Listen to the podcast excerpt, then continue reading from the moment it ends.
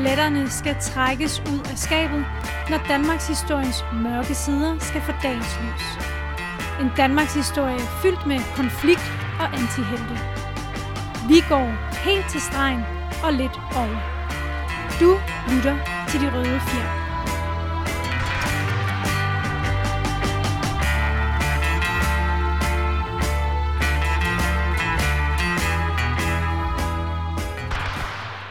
druk, damer og digte. Velkommen til De Røde Fjers helt særlige episode om Danmarks historiens første rockstar, Johannes Evald. Mit navn er Kalle Kylmand, men overfor mig i dag, der sidder der ikke Andreas Nørgaard, som det plejer, der sidder netop Mads Dyrholm. Velkommen til, Mads. Jamen, tak Kalle. Dejligt at være her. Jamen, det er også fedt, du kunne komme. Og så siger jeg, jamen fanden ham der, Mads Dyrholm. Jamen, Mads' eneste kvalifikation, det er, at han er en af mine venner. Og, øh, og mig og Mads har diskuteret faktisk dagens emne. En, altså simpelthen en enkeltstående biografisk, øh, biografisk episode om Johannes Evald. Har vi to gennemtrævlet sene nattetimer på alle mulige værtshuse. Oh yes. Og så er du jo også en, vil jeg sige, en meget mere følsom og kunstnerisk type end mig. Ja, det ved jeg ikke rigtig, om jeg skal tage som et uh, kompliment eller hvad, men uh, ja, altså, vi, vi, du siger, at vi har diskuteret en biografisk episode. Altså, jeg husker det sådan lidt mere som, at det startede i hvert fald med, at du sammenlignede mig med Johannes Evald.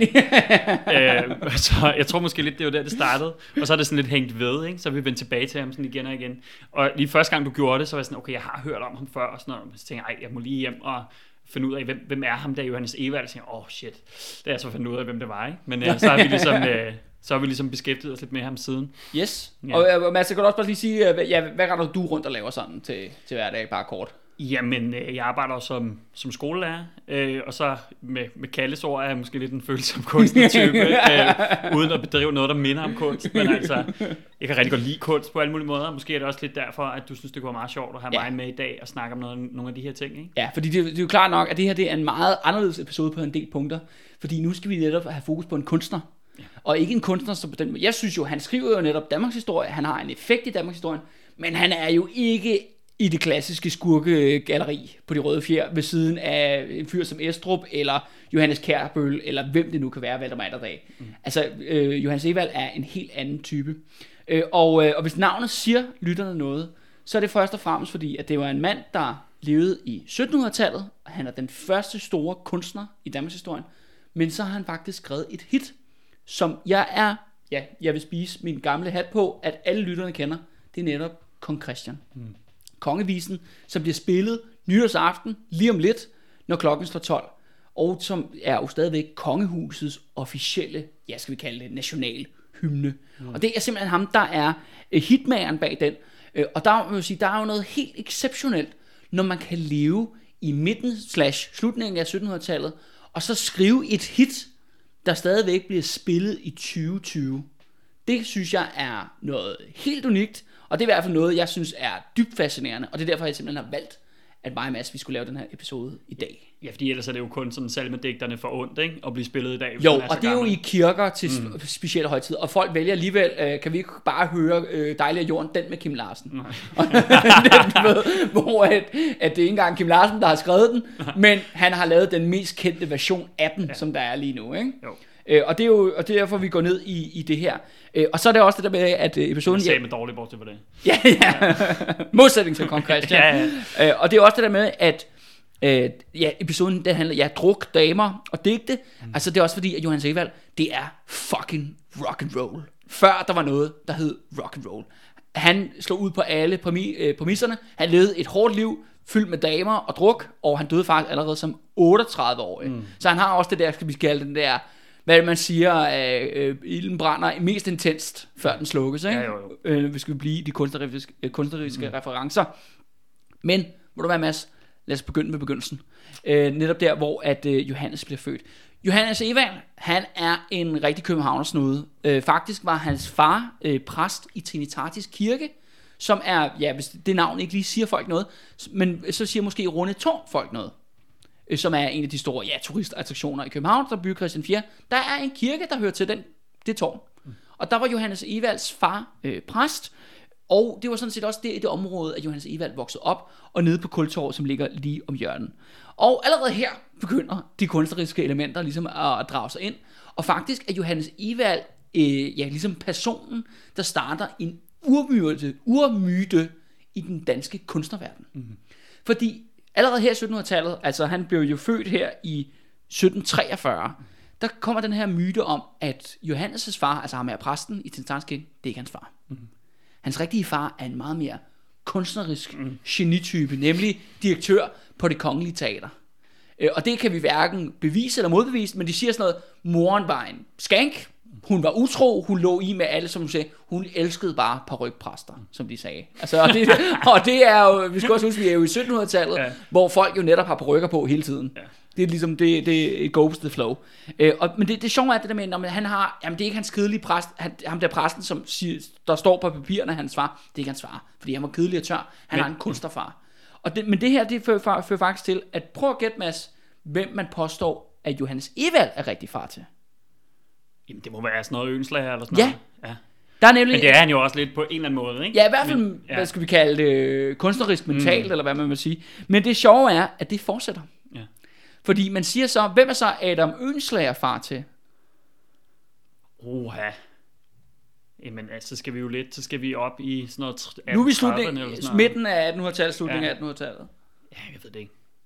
Georg Brandes.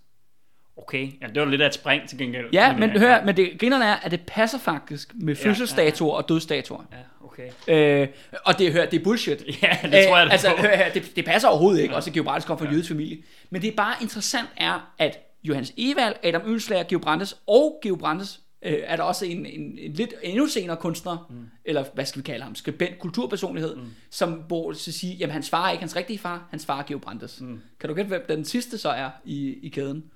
Nu er vi så oppe i, i starten af 1900-tallet. Det er PH. Okay. Paul Henriksen. Ja, ja, ja, okay. Og Paul Henriksen har engang sagt det, fordi han vidste godt, at hans mor var ja, utro og mega skæg med alle mulige kunstnere i det der københavnske kunstnermiljø. Og så sagde han, ja, øh, jeg frygtede, eller jeg håbede jo, at min far ville være Georg Brandes. Ja. og jeg frygtede, og jeg frygtede, at det var Jeppe Aukær. Ja. så, men det er bare interessant er, at hele det her øh, game, det begynder sådan set med Johannes Evald. Mm. Øh, og problemet er, kan man så sige, at der er ikke nogen efter PH, hvor man har sagt, at han er hemmelig far til... Øh, ja. Problemet er, at jeg, jeg Hassan er født alt, alt til, til, at vi kunne, øh, at vi kunne finde den på den her. Ikke? Jo. Øh, men det kan simpelthen ikke lade sig gøre. Men det er simpelthen en ting, der går igen i, i Danmark, fordi at, jeg tror nok, det er noget af hele det her koncept med øh, jantelov og du ved, det her meget lille land, du ved, som er meget sådan omskuende om sig selv, og siger, når man så endelig har en stor kunstner, en stor kulturpersonlighed, mm. jamen så kan det simpelthen ikke passe, at vedkommende er søn af en kedelig præst. Mm. Eller hvem det nu kan være, ikke? Nej, det taler også, synes jeg, rigtig godt ind i det, du startede med at sige, det her med, at det er rock and roll før, der er noget, der hed rock and roll, ikke? Altså, det er en af de sådan helt kendetegnende ting ved rock and roll, det er jo, øh, altså, det er jo den her myteskabelse. Øh, det er sådan den her drøm om, altså sådan, i, i hvad det kunne have været. Og de her ja. uendelige historier fra, fra, ø, fra, fra bandrummet og fra backstage og så videre, ja, ja. Ikke? Sådan, hvor der altid er de her myter, som bare bliver bygget op over tid. Ikke? Jo, jo, lige præcis. Ja. Er det, igen jo, der kan man sige, det falder rigtig godt ja, sammen med andre, kan man sige, hele den her, skal vi kalde den, musikgenre, ja, musikbiografigenren. Ikke? Mm. Øh, jeg tænker også lidt, inden vi går videre, også ligesom at tage op, fordi nu er vi jo i 1700-tallet, og her på det Røde Fjerde har vi ikke sådan særlig meget beskæftiget os med, med det her århundrede, og det er jo faktisk også en synd og skam, 1700-tallet er ikke af mig, men at øh, Danmarks øh, tidligere, han død nu, men tidligere førende historiker inden for 1700-tallet, en fyr, der er navn, der hedder Ole Felbæk, mm. der blev han det kaldt, jamen 1700-tallet er jo det glemte århundrede. Mm. I det er fordi, der var fred, jo, tænker ikke? Ja, det er netop ja. derfor. Men jeg tænker lidt, det er jo ikke fordi, vi skulle gå ned i samtale, vi har fokus på Johannes Evald, men fordi at Johannes Evald bliver den eneste digter, den første store mm. rockstjerne i, i Danmark, så kommer han jo også til sådan lidt at beskæftige sig med konger og, øh, og kirke. Ja, og der er nogle rimelig prominente venner, ikke? Som jo, tænker, og, ja, og senere. økonomiske ja. backers. Ikke? Mm. Men det er bare i forhold til, hvor, når han bliver født. Øh, og de første år af hans liv. Fordi der er det Frederik den 5. der er kongen. Mm. Og Frederik... Ja, men faktisk lige inden, altså lige inden, altså lige når han bliver født, så er det jo faktisk Christian 6. der er kongen, ikke? Øh, ja, altså Johannes E. Jo, det er fuldstændig rigtigt. Ja, ja. Johannes Evald er, kan man sige, født i, i 1743 og i 1746. Jamen, og det, og det, var bare, ja, det var bare, det var bare en, altså, i forhold til hans far, Ja, noget, som var religiøs pietist Ja, også. og det er det, jeg synes, der var det spændende, det Ja. der med, at, at hans far jo ikke bare er præst, og ikke bare en kedelig præst, han er også en hardcore pietistisk præst, Ja. og en af de her sådan, førende pietister i København, som jeg, som jeg har læst. Ikke? Ja. Og det synes jeg bare, måske, altså, så kan man godt forstå, hvorfor den her myte om, at der har været en anden far, den dukker op, Ja. hvis det er det ophav, han kommer Ja. fra. Eller også er det bare sådan en total øh, øh, reaktion mod det på en eller anden måde. Ikke? Men det er også øh, interessant nok, at når man folk diskuterer øh, Johannes Evald, fordi der er jo også, i hvert fald i tidlige værker, er der også det her religiøse, mm. øh, som ligesom optræder i hans, i hans dækning, og der siger, man, Ja, ja, ja. er det noget med faren at gøre, og mm. jeg tror også lige, vi er nødt til at forklare sådan, hvad er pietisme egentlig? Ja, det er det, jeg Øh, egentlig tænkte, om du ikke ville Jo, gøre jo, det. ja, jo, altså det, og det er jo ikke fordi, jeg er ekspert øh, Mm. på kirkerettens linjer, men hør, det, det er en form for protestantisme, øh, ligesom ja, den danske folkekirkes protestantisme, mm. bortset fra, den ligger meget mere vægt på oplevelse mm. og vækkelse. Øh, og det er også det der med, at i basalt Luther, hardcore Lutherdom, ikke? Mm. der kan du bare sidde derhjemme jo og bede og blive tilgivet, uden du ved, interaktion med kirke og menighed og sådan noget. Mm. Der siger pietismen nej. Det handler om, at du skal møde op hver søndag, det skal du sådan set også i Lutherdom, men du skal møde op, og så faktisk, det er faktisk okay at synge, og de taler også om folk, du ved, hvor præsten går ned og velsigner dem, og så får de, mm. du ved, taler i tunger og vildelser, og det er generelt en, en, en kristendom, hvor der er lidt mere, du ved, slag, slag i bolledejen, om mm. så må sige. Der er, lidt, der er lagt mere, lidt mere op på teater, og det Johannes Evalds far blev kendt for, det var han jo netop, at han var, hvad hedder det, en hardcore pietistpræst på den onde måde. Mm.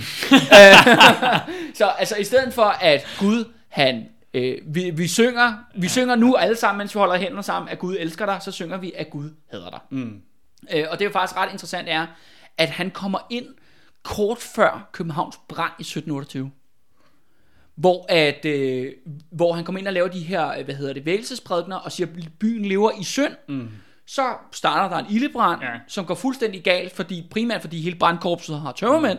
Mm. Øh, og ikke når at slå ud den her brand, og halvdelen af byen brænder ned. Og der står faktisk Johannes Evalds far, og er med til at piske en stemning op omkring mod jøderne. Mm. Fordi der er nogen, der skal, selvfølgelig skal have skylden. Mm. Og det skal også siges, at Trinitatis kirke, den brænder ned jo mm. Til det her, og bliver først så genopført øh, tidligere. Men der kan du så selv se, 1728, mm. 1743, der er ret langt imellem. Mm. Og der skal også siges, at Johannes Evald er jo det, der hedder en efternøtter. Mm. En, den sidste i flokken, øh, og hans far er allerede meget gammel, og det er jo også noget, der er med til at give den der rygte historie om, at moren hun knaller udenom. Ja, han dør Fordi- ret fordi- tidligt i Johan Sevalds øh, Ja, det er jo også, det, ikke? Fordi, fordi meget ung kone, ikke? Meget gammel far, mm. ikke? Øh, og, og, og det er også så tydeligt, at hvor han var the shit i, du ved, i måske i 1730'erne mm. i København, så er han ikke det samme, når vi når ind i 1740'erne, som, Nej. skal vi kalde det, lokal personlighed omkring, du ved, Trinitatis Kirke og Kultorvet og det her område af, af København, ikke? Mm.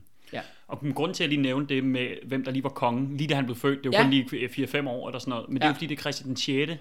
Øh, og Christian den 6. Og jeg synes også bare, det, det fordi jeg tænker, jeg tænker, vi kan komme ind på det senere, men det her med de her konger, der er i øh, Johannes Evalds levetid, synes Ja. jeg på en eller anden måde også Det er jo også de Ind- glemte konger. Ja, ikke? de glemte kommer, og så indkapsler de rigtig meget også, synes jeg, hvem øh, Johannes Evald var, og hvad han kommer fra. Altså, at den konge, der er, når han bliver født, er Christian, Christian 6., Ja. som jo er hardcore pietist, ikke? Ja. og skulle være den her fuldstændig knastørre, indadvendte fyr med, når han kørte i uh, karet, så var der gardinerne rullet for, og Ja. sådan noget, ikke? Og Jo. det handlede og netop om den religiøse oplevelse og Ja. sådan noget, ikke?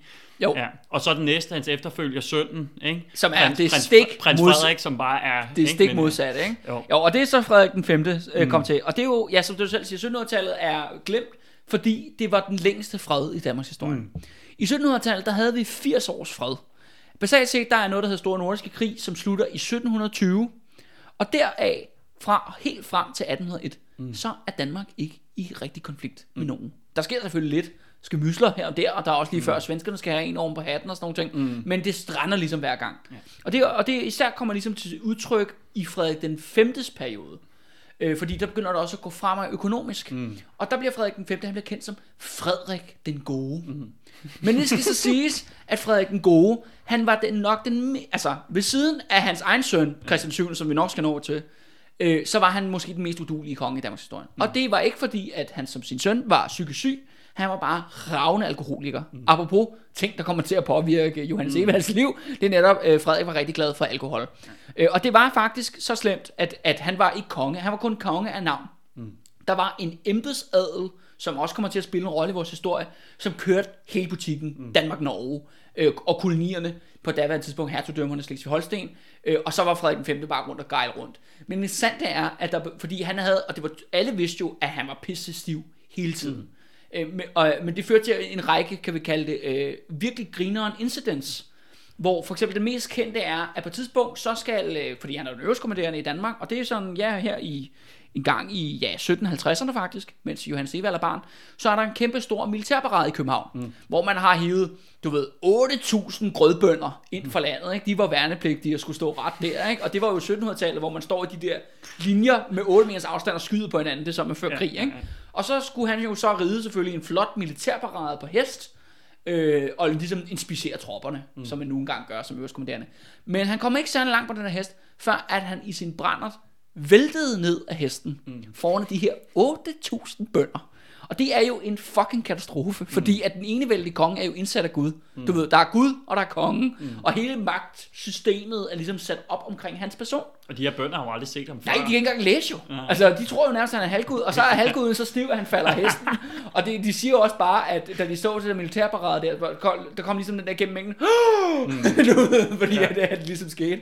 Og så var ligesom dem, der bestemte, og det var især en fyr, der hed Bernstof, mm. som også kommer med i vores historie. Ja. Det var ham, der bestemte i hele perioden, han kom ud af en gammel... Ja, Molke før ham, ikke?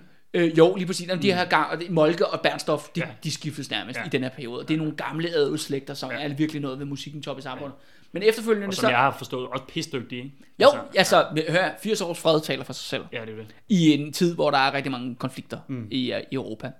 Uh, ja, og i verden i det hele taget.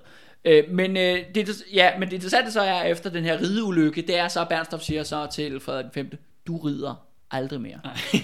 og han tog altså sin karet til den dag, han døde. Ja, ja. Han kom aldrig op og sidde på en hest. I hvert fald ikke, mens der var bønder eller nogen menige til stede. uh, og han ville jo bare gerne uh, drikke. Uh, så han var, ja, druk og total udulighed. Uh, men og, så, og, så, og så lignede han pis jo. Ja, ja, altså, han det, var vanvittigt indavlet. Jamen, det, det er sådan helt vildt. Altså, hvis man, man kan lige google ham, hvis man vil. Ja, altså, så, jeg havde sådan en vild øh, episode på et tidspunkt op på øh, Frederiksborg Slot, hvor jeg gik, der er sådan en masse sådan nogle små miniatyrportrætter af de danske kongelige, ja. sådan nogle små, nærmest nogle mønter, eller sådan noget, hvor man kan gå og kigge, og så ser man dem ligesom i rækkefølge. Når man når til Frederik den 5., så man, bliver man fuldstændig chokeret. Han ligner total pis. Hans, hans øjne stikker nærmest ud af kranen på ham, ikke? og han har mm. meget meget nærmest deformt ansigt, som Jamen, er meget spidst, på sådan meget ud af. Det er sådan en barnlig alien eller sådan noget. Ja, altså, det er ja, ja. Helt, uh... Men det sagde de jo, at det var jo det royale øh, Oldenborgske blod jo. Det ja. var derfor, man kunne se, at han var rigtig konge, ikke? fordi mm. han så knaldhammerne retarderet ud. Ikke? Det så man tydeligt være, så må man være tydeligvis være indsat af Gud. Ikke? jo, jo. Men det mest markante er jo netop, at det her det er en periode med fred og fremgang. Ja. Det skal dog lige påpeges, at den her øh, fred og fremgang økonomisk, øh, det København bliver virkelig en boomtown, ikke? der foregår rigtig meget handel. Det kommer sig af to ting. Det kommer sig af, at 17, i modsætning til øh, ja, Danmark-Norge, så er resten af Europa i krig hele tiden, mm. i den periode. Øh, men det, Danmark kan tjene rigtig, rigtig mange penge på at øh, transportere øh, krigsvarer rundt til forskellige nationer, der er i krig med hinanden øh, under neutral flag. Det tjener man rigtig mange penge på. Og det andet element, som mig og Andreas var inde på for et par episoder siden, det er netop sukkerproduktionen i Dansk Vestindien, som er virkelig en, noget, der skaber noget økono- økonomi. Men det betyder jo også det der med, at det interessante er, at kunstnere, underholdning, som det jo basalt set er, øh, det er jo noget, der skal jo også ligesom være luft til det. Mm. Der skal være økonomisk plads til det, hvis vi skulle lige kunne hæve over os over vores eksistenskamp. Øh, og det var for eksempel i 1600-tallet, hvor, og det er også det der med at mærke at sige det der med, at der var ikke nogen før Johannes Evald. Der var ikke nogen. Mm. Øh, det nærmeste, vi kan komme på i 1600-tallet, det er en biskop ved navn Thomas Kingo, mm. som har skrevet en masse salmer. Ja, sådan brorson og sådan noget. Ja, ja, ja, lige de der folk der. Men de var sådan nogle hardcore protestantiske præster, og, og, og 1600-tallet var et shit årti mm. for Danmark. altså, det var virkelig dårligt. Og der var virkelig, der er 1700-tallet noget helt, helt andet. Og det vil sige, når folk får noget penge på lommen, og it's a good time, jamen så bliver der lige pludselig også plads til, at unikke talenter, de kan vinde frem i offentligheden, og det er noget, de kan leve af, om så må mm. sige. Mm. Øhm, det er jo også her, der, der kommer sådan forgænger for det kongelige teater, og der kommer, ja. øh, hvad hedder det, noget kunstakademi, Charlottenborg. Ja, og det skal så siges jo, at, at på mange nogle måder, så bliver Johannes Evalds vej jo også banet af Ludvig Holberg. Mm som er den her kæmpe skikkelse, som jeg er sikker på, at lytterne kender en del til. Men han er jo mest kendt for sit øh, drama, sit mm. teaterværk og sit forfatterskab. Mm. Han er blandt andet også, han er historiker jo, han har skrevet en af sådan, den klassiske Danmarks historie i 1700-tallet. Mm. Hvilket er meget sjovt. Men det er jo klart, at det er sådan en kilde, vi stadigvæk bruger den dag i dag, fordi det er fucking Lud Holberg, der har skrevet den. Og manden var mere eller mindre geni. Mm. Øh, og der kan vi sige, Hvad er, han, er, han, er det sådan noget 1720'erne, 1730'erne? Ja, der begyndte der slår han igennem, ikke? Ja. Øh, men det er sådan, han er død faktisk, da Johannes Evald begynder at brage igennem.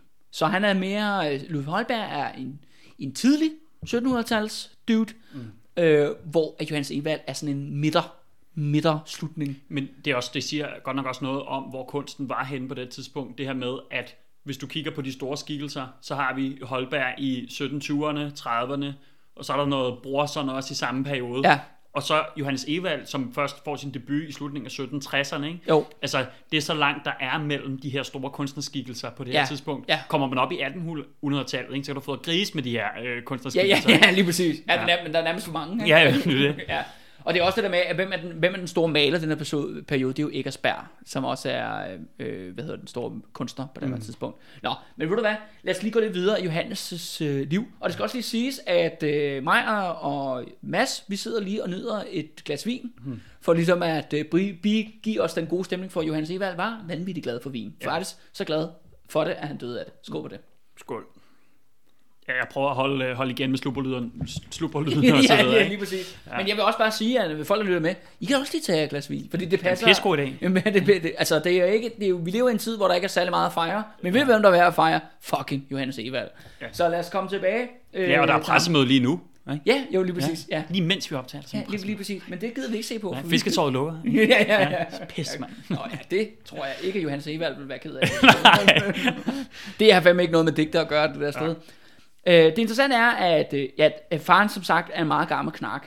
Øh, og på, faktisk på hans dødsdag, da han er 11 år gammel, der bliver, øh, hvad hedder det, Evald, han bliver så sendt til Slesvigs lærte, lærte skole.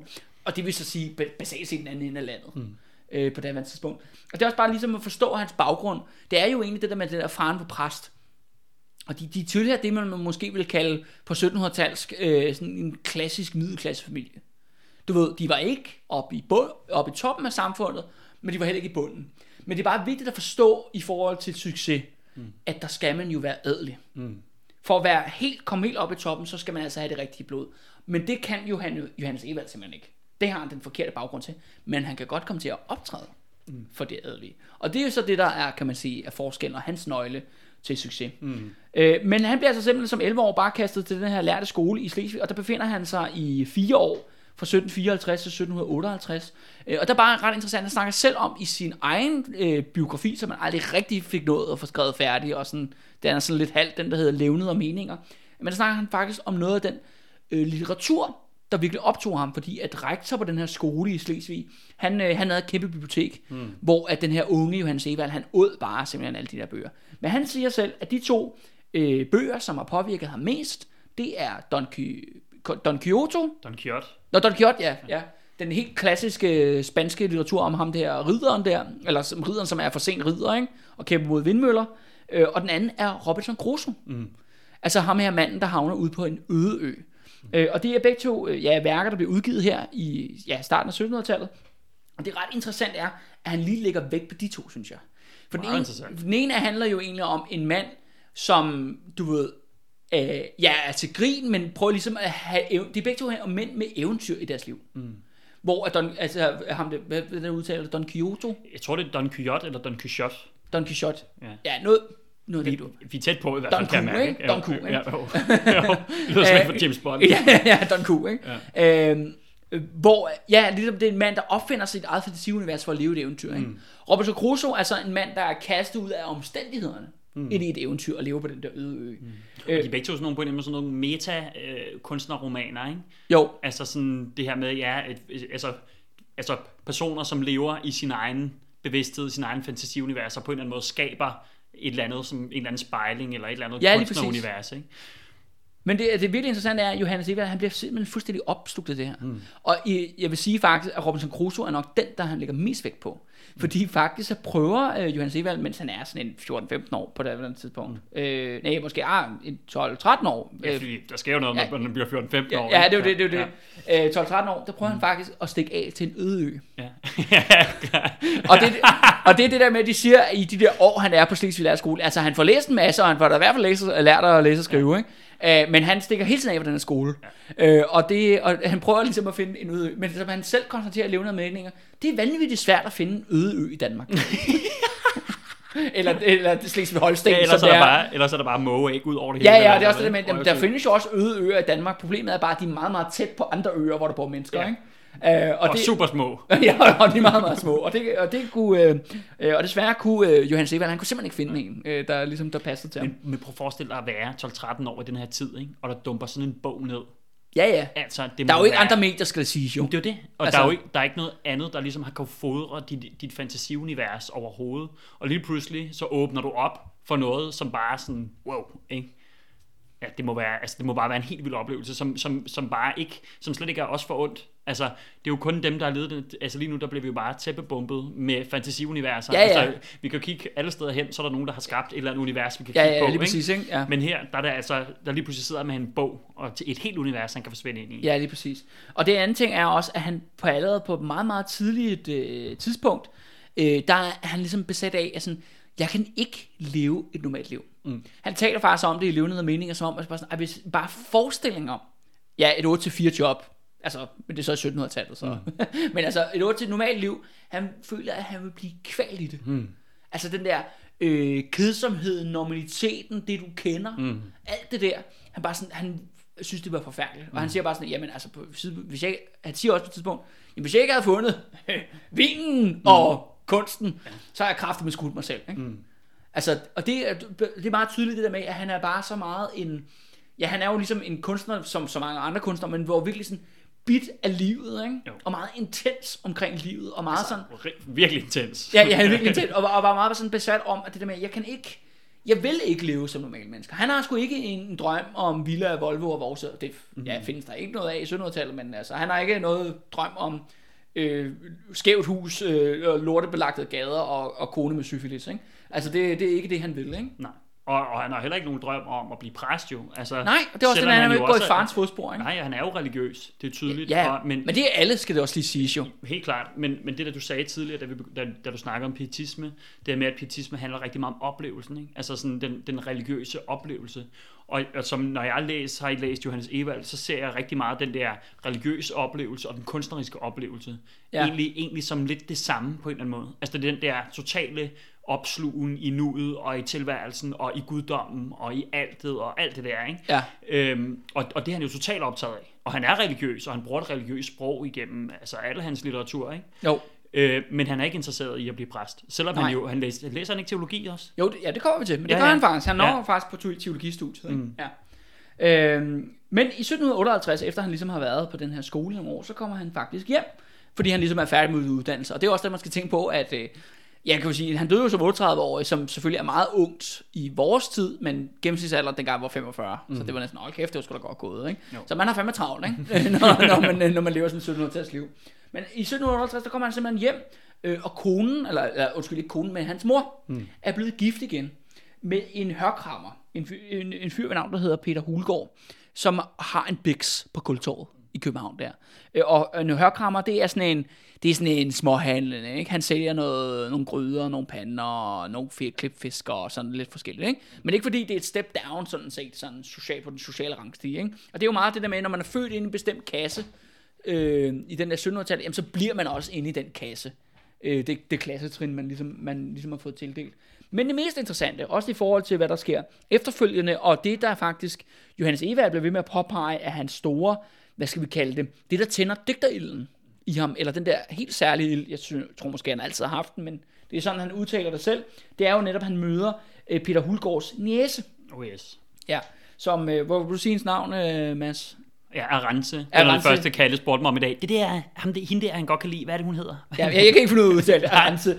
Øh, øh, ja, som så er så niece, og det er jo så, hun er jo så, kan man sige, øh, hvad hedder det, step niece til ham, ikke? Mm. Øh, øh, men altså, og de er jo meget unge, skal de sige, spektrum. Mm. Ja, vi, de er jo 14 år eller sådan noget på det mm. tidspunkt.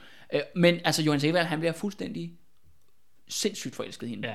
Og han siger jo til den dag, han dør på sit dødsleje, at det var den eneste store kærlighed, han havde. Ja. Det var hende. Han, han skriver på den tidspunkt, at han har fire sådan rigtige forelskelser i hans liv. Ja, Og, sådan, og der, er, der er en, der er dirty, og en, der er barnlig, og så er der en af dem, der er ren, eller Mm. sådan den rene kærlighed. Det er hende der, altså, ikke? Men hun, og hun, hun, hun, altså, hun dukker også op ja. igen og igen og igen. Hun og igen optræder i tit hans- også som skal vi kalde kalde sådan en musekarakter, ikke? Ja, fuldstændig. Og, og en muse, det er jo en, en, en kvinde, der inspirerer en stor mm. mand til kunst, mm. basalt set, ikke? Og det var noget, som, ja, det, det kommer jeg faktisk her, tror jeg, mener her i 1700-tallet, men det bliver jo kæmpe stort i 1800-tallet, mm. hvor at man ikke kunne være, man kunne sgu ikke være en, en sig selv bekendt som kunstner, hvis man ikke havde en eller anden ung pige, Nej. man, man, man nærmest dedikeret af sit værk til, ikke?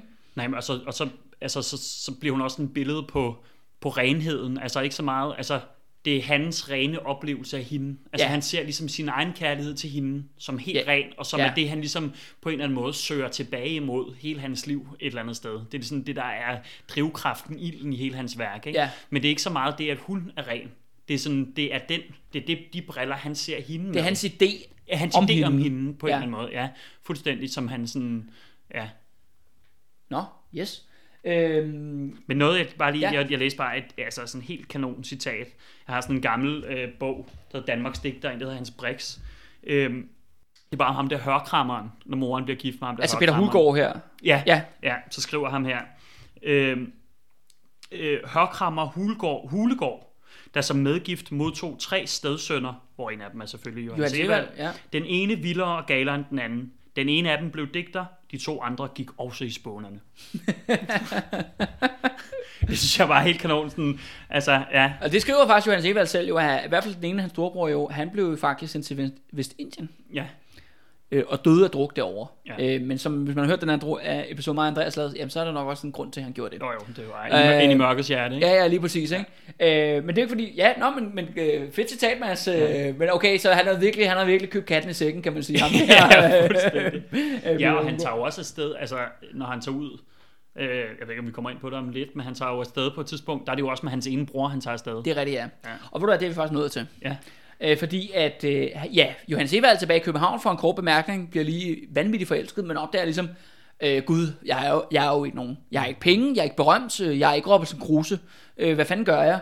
Øh, og der får han den idé, som ja, mange mænd har haft før ham, og som mange mænd vil få efter ham, det er, jeg skal da med i en ordentlig krig. Ja, og han er altså 15 år på det tidspunkt. Ja, lige præcis. Og det er simpelthen ideen om, at det er krigen, en stor krig jo, er et eventyr, mm. og så er der også samtidig muligheden for at skrave rigdom til sig. Ja. Igennem basal plyndring, mm. fordi det var det, netop det, der foregik. Og der kan man sige, at Johannes Evald var pisse heldig, fordi der var en kæmpe krig i gang i Europa der på det tidspunkt. Øh, Det er blevet kaldt den første, første verdenskrig. Ja. Men i Danmark er den bedre kendt som den preussiske syvårskrig. Mm. Og det er ikke fordi, at vi skal gå vanvittigt meget i detaljer om, hvad det er for en konflikt.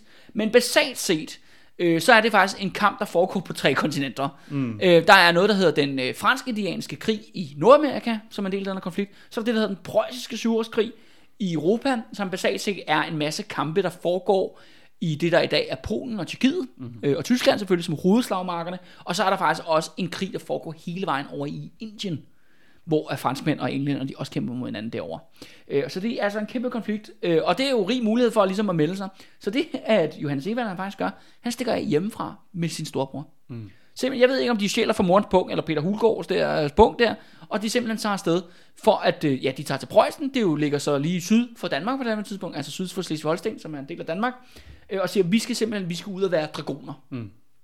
Vi skal, og dragoner, det er, det er en kavalerist. Mm. Øh, basalt set. og det er jo nok også det flotteste, man kan være i sådan en 1700-tals her. Fordi langt de fleste idioter, der kommer med i sådan en krig, det er netop de der folk der, der står i de der linjer, hvis man nogensinde har set den der film, der hedder The Patriot, eller andre sådan film, mm. for, sådan, der foregår i 1700-tallet, det er den, øh, noget af det mest øh, ja, åndssvage krigsførsel, der nogensinde har været sket i menneskets historie. Basalt set øh, går mange mænd op, øh, flere tusind mænd op i rækker, og står sådan omkring 10-20 meter fra hinanden, og så skifter de til at skyde på hinanden. indtil at den ene øh, linje, den knækker. Ja. Øh, og der er det klart nok, at så man rytter, så kan man jo ride lidt frem og tilbage og sådan nogle ting. Ikke? Og, og det har nok været lidt lækre. Øh, og så de kommer så derned, øh, broren der får hurtigt kolde fødder, vender hjem bliver som straf sendt til Dansk Vestindien, og ligesom ryger ud af historien herfra. Mm. Øh, men, øh, men, men Johannes Evald, han er ikke ligesom sin bror. Han er bare sådan, jeg vil sgu da fortsætte. Ja, nu er jeg fandme taget ned til Tyskland. Nu skal jeg fandme i krig. Og han melder sig. Øh, men så opdager han hurtigt, at i den preussiske her er der det, der hedder kadaverdisciplin. Og det vil sige set, at den preussiske her var kendt for, at folk, der var med i den her, de fik pisk hele tiden. øhm, altså det har virkelig været virkelig, virkelig vanvittigt nederen at være soldat i den preussiske her. Altså det var en af de bedste, det var jo nok den bedste her mm. i hele Europa på det tidspunkt, i hele verden måske, øh, højst sandsynligt. Øh, men det var jo virkelig tørre, tørre, tørre tæsk. Der ligesom, de, altså, det var disciplinen, ikke? Øh, nogle officerer, der tævede de her, ja, analfabetiske grødbønder øh, ind på linjer, så de kunne stå og skyde på hinanden. Så ret hurtigt finder Johannes Evald ud af, det gider han sgu ikke. Så han vælger at desertere til fjenden. Så han deserterer til den østriske her. Og nu skal jeg sige, okay, det lyder jo meget farligt, men det er faktisk ganske normalt i den her periode, at man ligesom, det er lidt ligegyldigt, hvem du slås for, og, man kan altid, og det er altid muligt for, at man kan skifte hold. Mm. Øh, han bliver godt nok ikke dragon i den østriske her, men han bliver trommeslager. Yes, han kommer lov til at spille på trommen. Øh, og det er, hvis man husker... Jeg tror jeg var meget godt for den, øh, for den østriske her, ikke? Jo, jo, lige præcis. Men mm. det er faktisk interessant, er, hvis man kan huske lidt tilbage til Valdemar, der er, er der der episoden, hvor vi snakker om slag dengang, hvor det der med at råbe og skrige, man ligesom skal gejle hinanden op, før man skal ind og slås. Øh, det var et meget sådan ting, man så i den der periode. Og det fortsætter sådan set ind i 1700-tallet, men det skal lidt karakter. Mm. Men, men i stedet for, nu skyder man jo selvfølgelig på hinanden med rifle, eller gevær og kanoner og sådan noget, i stedet for. Øh, men også begynder man i stedet for at stå og råbe af hinanden, så spiller man musik øh, som man virker som mere disciplineret, men stadigvæk ligesom giver noget gejst, noget kampstemning, og det er især det her med trommer, mm. trommer og fløjter, øh, som kan høres ret højt på slagmarken, ikke? Du ved, det kan man forestille sig. Og faktisk, øh, nu, det, er, det er faktisk lidt ærgerligt er, at Johannes Evald, han taler ikke særlig meget om, øh, hvad han har gang i øh, under, altså under kampagnen og sådan noget. Men han er ret sikker, vi er ret sikre på, at han har været med i et slag, øh, i, der hedder øh, Kundendorf, som er det største nederlag, øh, Frederik den Store, altså kong af Preussen, han lider under den preussiske syvårskrig, øh, hvor østrigerne og russerne de vinder. Øh, men ret interessant under det slag, der er ligesom en af grundene til, at østrigerne vinder, det er, at der er ligesom, øh, de skal jo stå på linje og skyde på hinanden jo. Men problemet i deres linje, det er, at der er ligesom to søer, mm. der er i vejen. Øh, så det man flot og så, og så er ligesom et sumpområde i midten. Men det man gør, så er, at man bygger en bro, sådan en meget midlertidig bro, øh, som soldater kan løbe frem og tilbage, så det vil sige, at de kan rykke deres styrker i løbet af deres slag, og en af grunden til, at de vinder. Johannes Evald bliver faktisk sat op på den bro. Sammen med nogle, selvfølgelig andre musikansker, der står der 15 år og spiller på trommen, og ligesom soldaterne marcherer frem og tilbage, så får lige bum bum, slår med trommen, og så videre, så videre. Så man klar, ikke? Så man klar, ja. men, det, men det fører til, at han står faktisk i vand en hel dag øh, under det her slag, der var en, en, en dag. Og det har en række konsekvenser for ham. Han bliver pissesyg bagefter. Og hvor faktisk ender med, at han for set, at grund til, at han bliver faktisk, ja, får lov til at forlade hæren, mm. fordi han er rigtig, rigtig syg. Og det der senere så viser sig faktisk, at han kommer til at lide af gigt. Mm. Og han siger selv, at han peger selv tilbage på det slag, at det var årsagen til, at han får en meget, meget led gigt i benene, som senere i hans liv fører til, at han i hvert fald har en undskyldning for, hvorfor han drikker så meget. Øh, og så er det også, at han bliver meget inhabil. Eller du ved, han, han ligger bare i sin seng mm. og skriver digte, når det går rigtig, rigtig ondt. Og det der digt, eller gigt, det er jo noget, der sådan kommer og går jo ja. i perioder, alt ja, ja. efter vejret og, og så fremdeles. Men han får altså, altså en gevaldig krigsskade, kan man sige, øh, og kommer så øh, tilbage til, øh, til København. Øh, forældrene øh, sender simpelthen nogle penge ned, så han kan komme hjem. Øh, eller ja, moren og papfaren der. Mm. Øh, så han er øh, kommer tilbage til Danmark måske allerede i 17, 1760. Noget, jeg synes, der er meget, meget interessant, det er de den der levnede meninger, du nævnte før, som er sådan en øh, kan kalde det sådan en primitiv selvbiografi, ja. eller sådan bekendelseslitteratur, ja. eller hvad man skal kalde det. Ikke? Men der, der er ligesom hovedomdrejningspunktet er jo det her med, at han tager i krig. Og det er ja, rigtig men meget... Men du får ikke noget for krigshandlingerne. Nej, ingenting. Altså han ja, nævner ja. nærmest ikke med et ord, hvad for nogle ja. slag han får. Men det han bruger næsten al sin tid på, det er, at han skildrer sådan nogle episoder, hvor han ligger med en flaske vin på en eller anden bakke, og har det super nice, ikke? Jo, jo. Og så er han i krig i et år, men det som bliver rigtig nævnt med et ord. Men nej, det synes jeg bare... Ja, ja, der er lidt det, det, det, hvornår kommer vi til krigen? Ja. Eller det var, det var mest det, jeg sådan... Det, ja, nej, nej. Men jeg ligger lige på den her bakke med en flaske vin og kigger på en sky eller sådan noget. ja, altså. lige, lige, lige præcis. Ikke? Ja. Øh, det var ikke det, han lagde øh, vægt på. Men, det er mest, mm. men han kommer så hjem jo, øh, og det er jo endnu værre jo. Han er jo ikke endt som en stor held, der har masser af plyndringsgods med, eller er blevet kendt i et eller andet slag, hvor han har reddet øh, kejserens liv, eller whatever. Mm. Øh, det er slet, slet ikke det. Han kom hjem med en kæmpe sygdom og en mega gæld. Mm. Så det er lige frem nedtur. Det er ikke sådan, man vinder sit livs øh, udkårne på den der måde. Or whatsoever. De røde fjer. En rigtig kammerat går ikke hjem før midnat. Øh, Men Mads, du har også lige et, øh, et citat. Jamen, om, det er igen fra den her bog. Den Ja. er Hans Brix bog. Jeg mener, den er fra 1920 eller sådan noget. Ja, må du være, at de kunne sgu også lave det bedre i gamle dage. Ikke? Jo. Skål på det, ikke? Jo. Skål derude, ikke? Jo, skål på de gamle dage. Ja, skål på de gamle dage. Jamen, det er bare lige med altså, hans bevæggrunde for at tage den her krig. Altså, det kan jo godt virke totalt fremmed for os i dag, hvorfor man som Ja. 15-årig vælger at, Gå ned at og tage få ned. piska en eller anden tysk sergeant, ikke? Ja, altså bare tage en tilfældig her, slå med en terning, og så ja, ja. den der. Hey, det bliver team Ja. lyserød, eller? Ja. Han skriver ham med Hans Brix, han skriver, Årsagen til denne flugt var først og fremmest deres hang til vagabondering, endvidere deres misfornøjelse med hørkrammeren, endelig efter Johannes sine også hans ubendige forelskelse i stedfaderens broderdatter, den mørke skønhed, Jomfru Arance. Okay. Okay? Så det er ligesom det, der sætter scenen. Ja. Ja. Han kan super godt vagabondering. Det er ligesom det, der tiltrækker ham. Han Ja. ja. synes, ham der højkrammeren, han er røvnederen. Han er piskedelig. Ja, og- så... Han hører krammer lyder lige frem action pack, vel? Nej, Og det, og det andet er, kan man så sige, at han siger jo også, at en af grunden til at tage krig, det er jo netop også for at imponere Arantes, ikke? jo.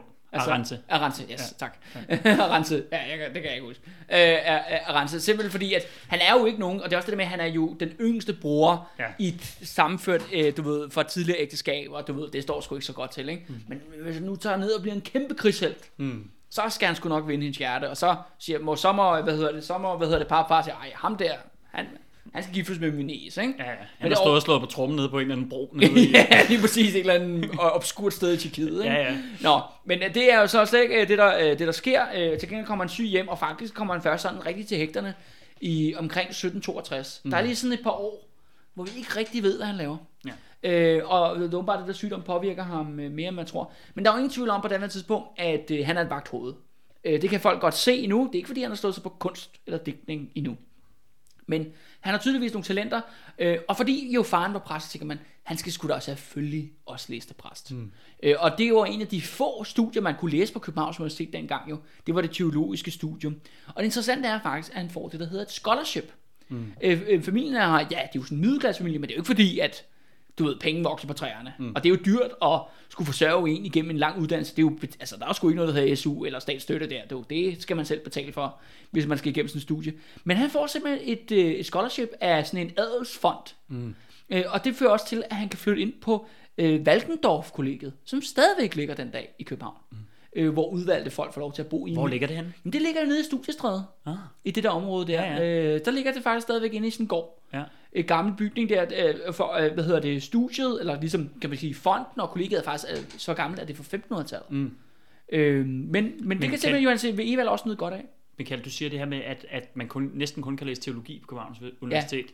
Hvordan er det med Københavns Universitet? Er det sådan en, et første rangs uddannelsessted på det Nej, tidspunkt? det er second, altså det er. Ja. provinslort. Ja. Så, så det siger bare to, ikke? Okay.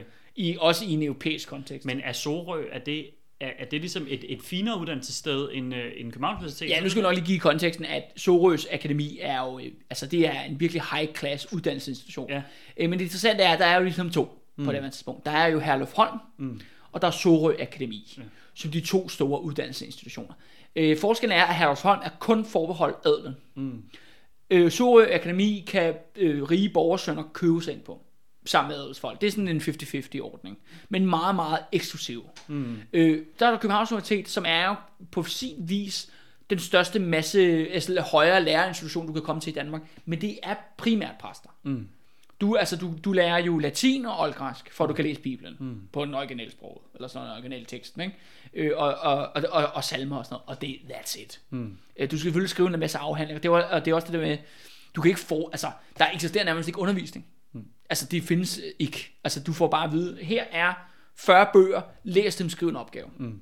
Så du bruger rigtig meget tid på at læse i det hele taget. Ikke? Det er Ja. ligesom det, der er lagt op til. Ikke? Og det andet, ligesom studie, man kan læse, man kan ikke læse teologi, jamen så læser man, øh, hvad hedder det sådan noget, hvad skal vi kalde det? Det er sådan en blanding af jura og samfundsfag. Klart. Øh, men det eneste mål er, at du skal ind og blive byråkrat i ja. ja. enevældens øh, embedsværk. Mm. Der, og det er de eneste to retninger, du kan læse. Mm. Øh, og det sjove er så, at det betyder, at begge studier kommer til at dække over en hel masse andet. Mm. Og, men du tager teologi, hvis du er lidt kunstnerisk anlagt. Fordi så skal du læse Bibelen jo. Ja, ja. Og den er jo fuld af gode røverhistorier. og, og, den anden, og den anden er jo meget fokus på øh, økonomi, ikke? Mm. Øh, og også nogle andre øh, ting. Ikke? Så, og det, også, det skal også siges, at teologi, teologi dækker også over filosofi. Mm. Så der er jo også, fordi at, øh, at selvom det er et præstestudie, jamen så gæster man sig faktisk også lidt med Platon og Aristoteles mm. og andre sådan klassiske græske filosofer og sådan noget.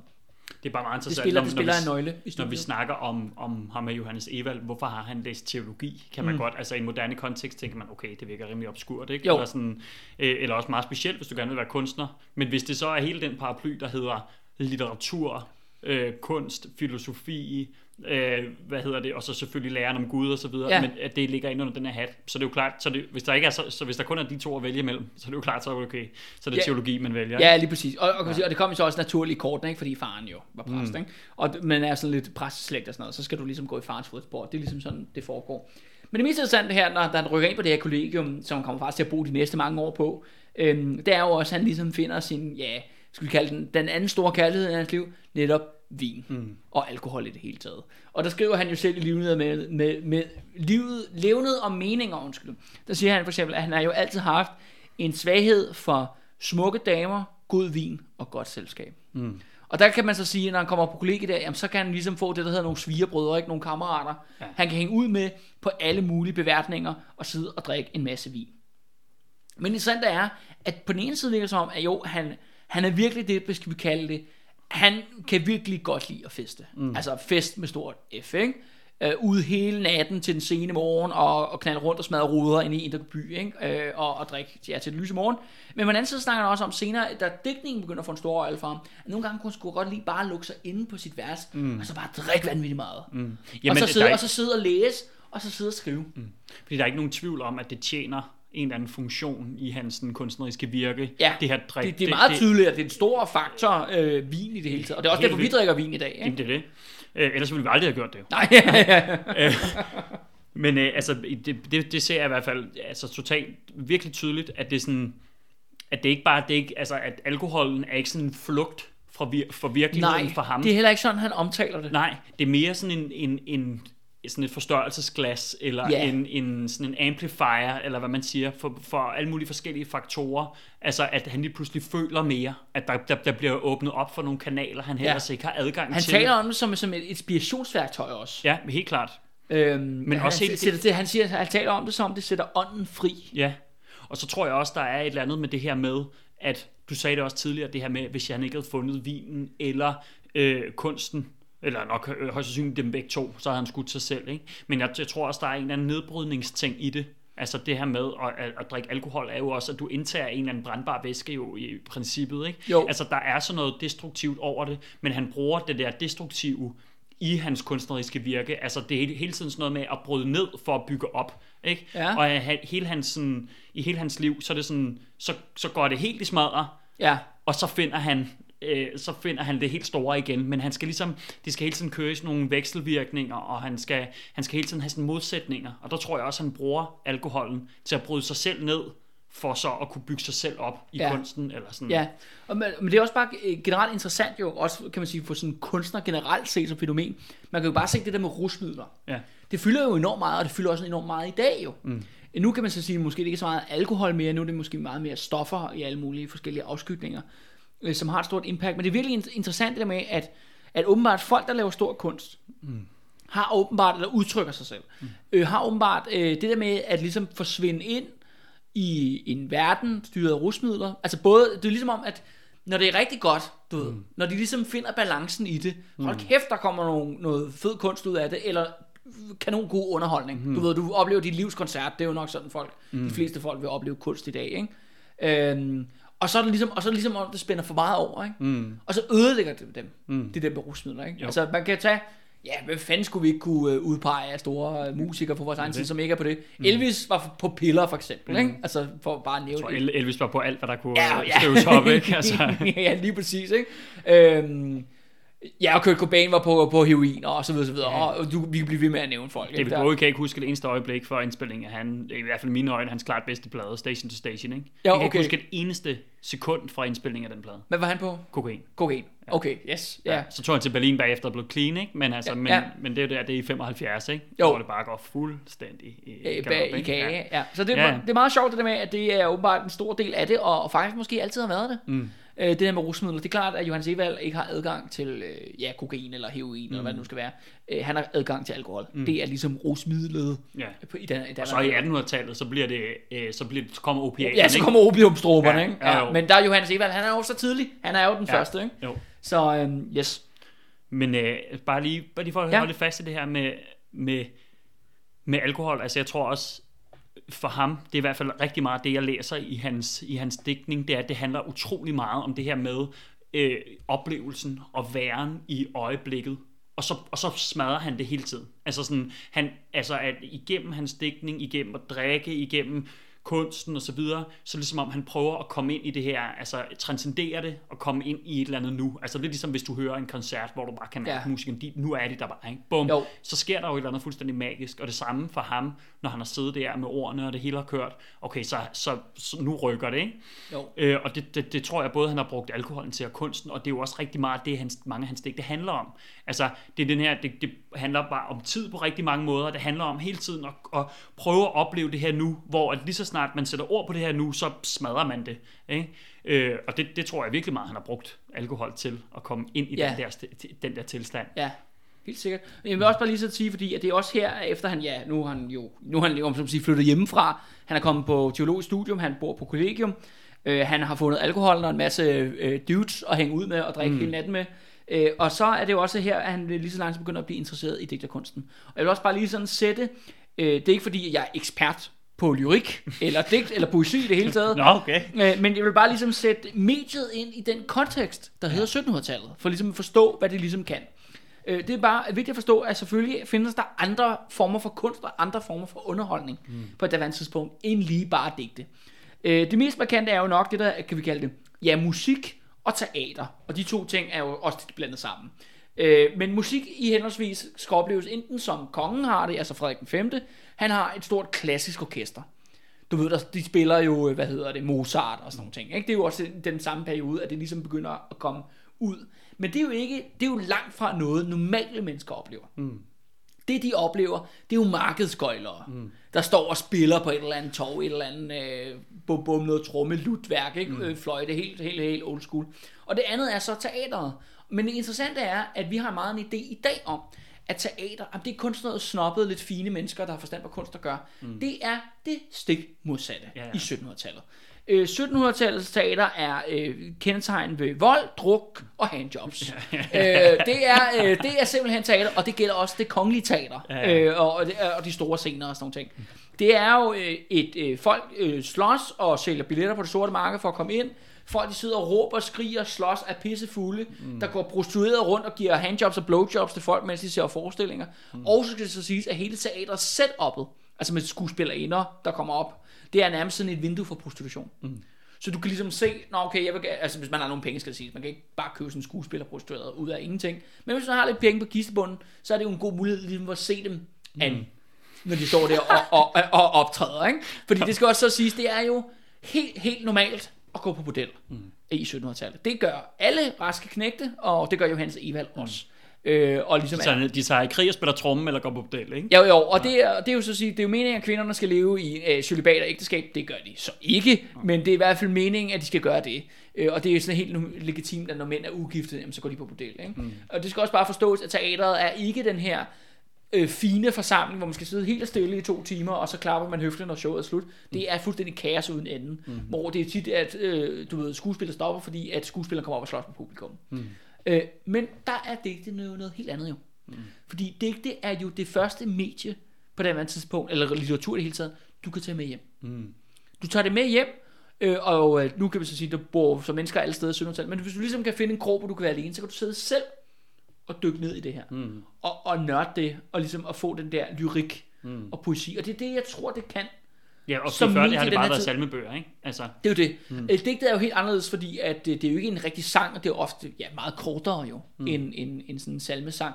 Øh, og det er meget, og det er jo ligesom det, Johannes Evald kan, der er meget fokuseret på det personlige. Så det er din egen individuelle oplevelse. helt vildt. Så det forstår, musik og teater, mm. det er kollektive oplevelser. Det er noget, du har sammen med mange andre mennesker, hvor digte er jo, hvad du selv sådan får ud af det. Det bliver meget metaagtigt, ikke? Altså, fordi Jo. hele Johannes, Ev- Johannes Evaldsen dækning, det handler om ham selv og hans Ja, egne ja. oplevelser. Og så lige pludselig så, altså, men han er også den første, som bruger det her medium til at give folk det her, den her måde at være med sig selv på. Ja. Altså, og det, det- hvis man skal lave en sammenligning til i dag, det er, jo, det er jo også derfor, man går en tur med høretelefoner på og Ja. hører musik, ikke? Eller podcast. ja, ja. Folk, folk hører på dig for, for at lære sig selv at kende. Ja, selvfølgelig, det er klart. Nej, men altså, når man hører musik, hvor der er virkelig god lyrik, ikke? Altså, det, det er sådan, der, der skal du have den der, men der, der er det, virke, det er jo virkelig en oplevelse med sig selv, og så lyrikken, ja. og så det er virkelig sådan en rejse på den der måde, ikke? Øhm, og der, der er han jo den første i Danmark, der bruger mediet på den her måde. Ja. Og så bruger han det på den her sådan fuldstændig ekstreme, øh, subjektive måde, hvor han bare stiller sig selv i midten af det hele, hele Ja, tiden. ja, ja. Øh, altså, øh, hvor det er hele tiden ham der, og hans følelser, og hans oplevelse af verden, og at være i verden, der er omdrejningspunktet for alting, ikke? Jo. Øh, og det, der faktisk får ham til ligesom at slå sig på poesien, digtningen, mm. virkelig hardcore, det er fordi i 1764, der, øh, hvad hun hedder, øh, Arance. Arantxa, ja tak, hun bliver gift. Derfor er jeg her i dag. Ja, det er de primære rolle, fordi jeg og ikke kan udtale det navn. øh, det er derfor, og det kunne Andreas heller ikke, og derfor er han kottet ud af showet øh, for en episode. Øh, ja, og hej til dig, Andreas, hvis du lytter med. Øh, ja, men hun bliver altså gift med en anden hørkrammer selvfølgelig, helt klassisk, inde i, når man er en del af hørkrammer, øh, mm. ligesom business, så skal man selvfølgelig giftes med en. Hun bliver gift med en fyr, der hedder Rasmus øh, Riber. Øh, og der, det fører jo selvfølgelig til, at Johannes Evald aldrig nogensinde kan få en skilsmisse, er ikke noget, man gør i 1700-tallet.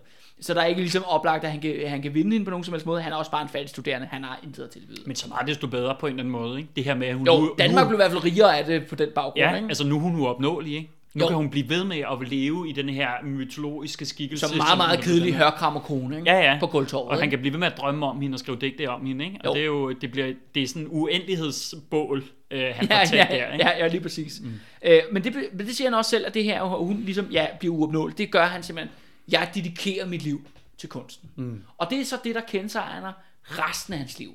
At han bliver simpelthen besat af at ja, dykke ned i kunsten og arbejde mm. øh, med kunsten.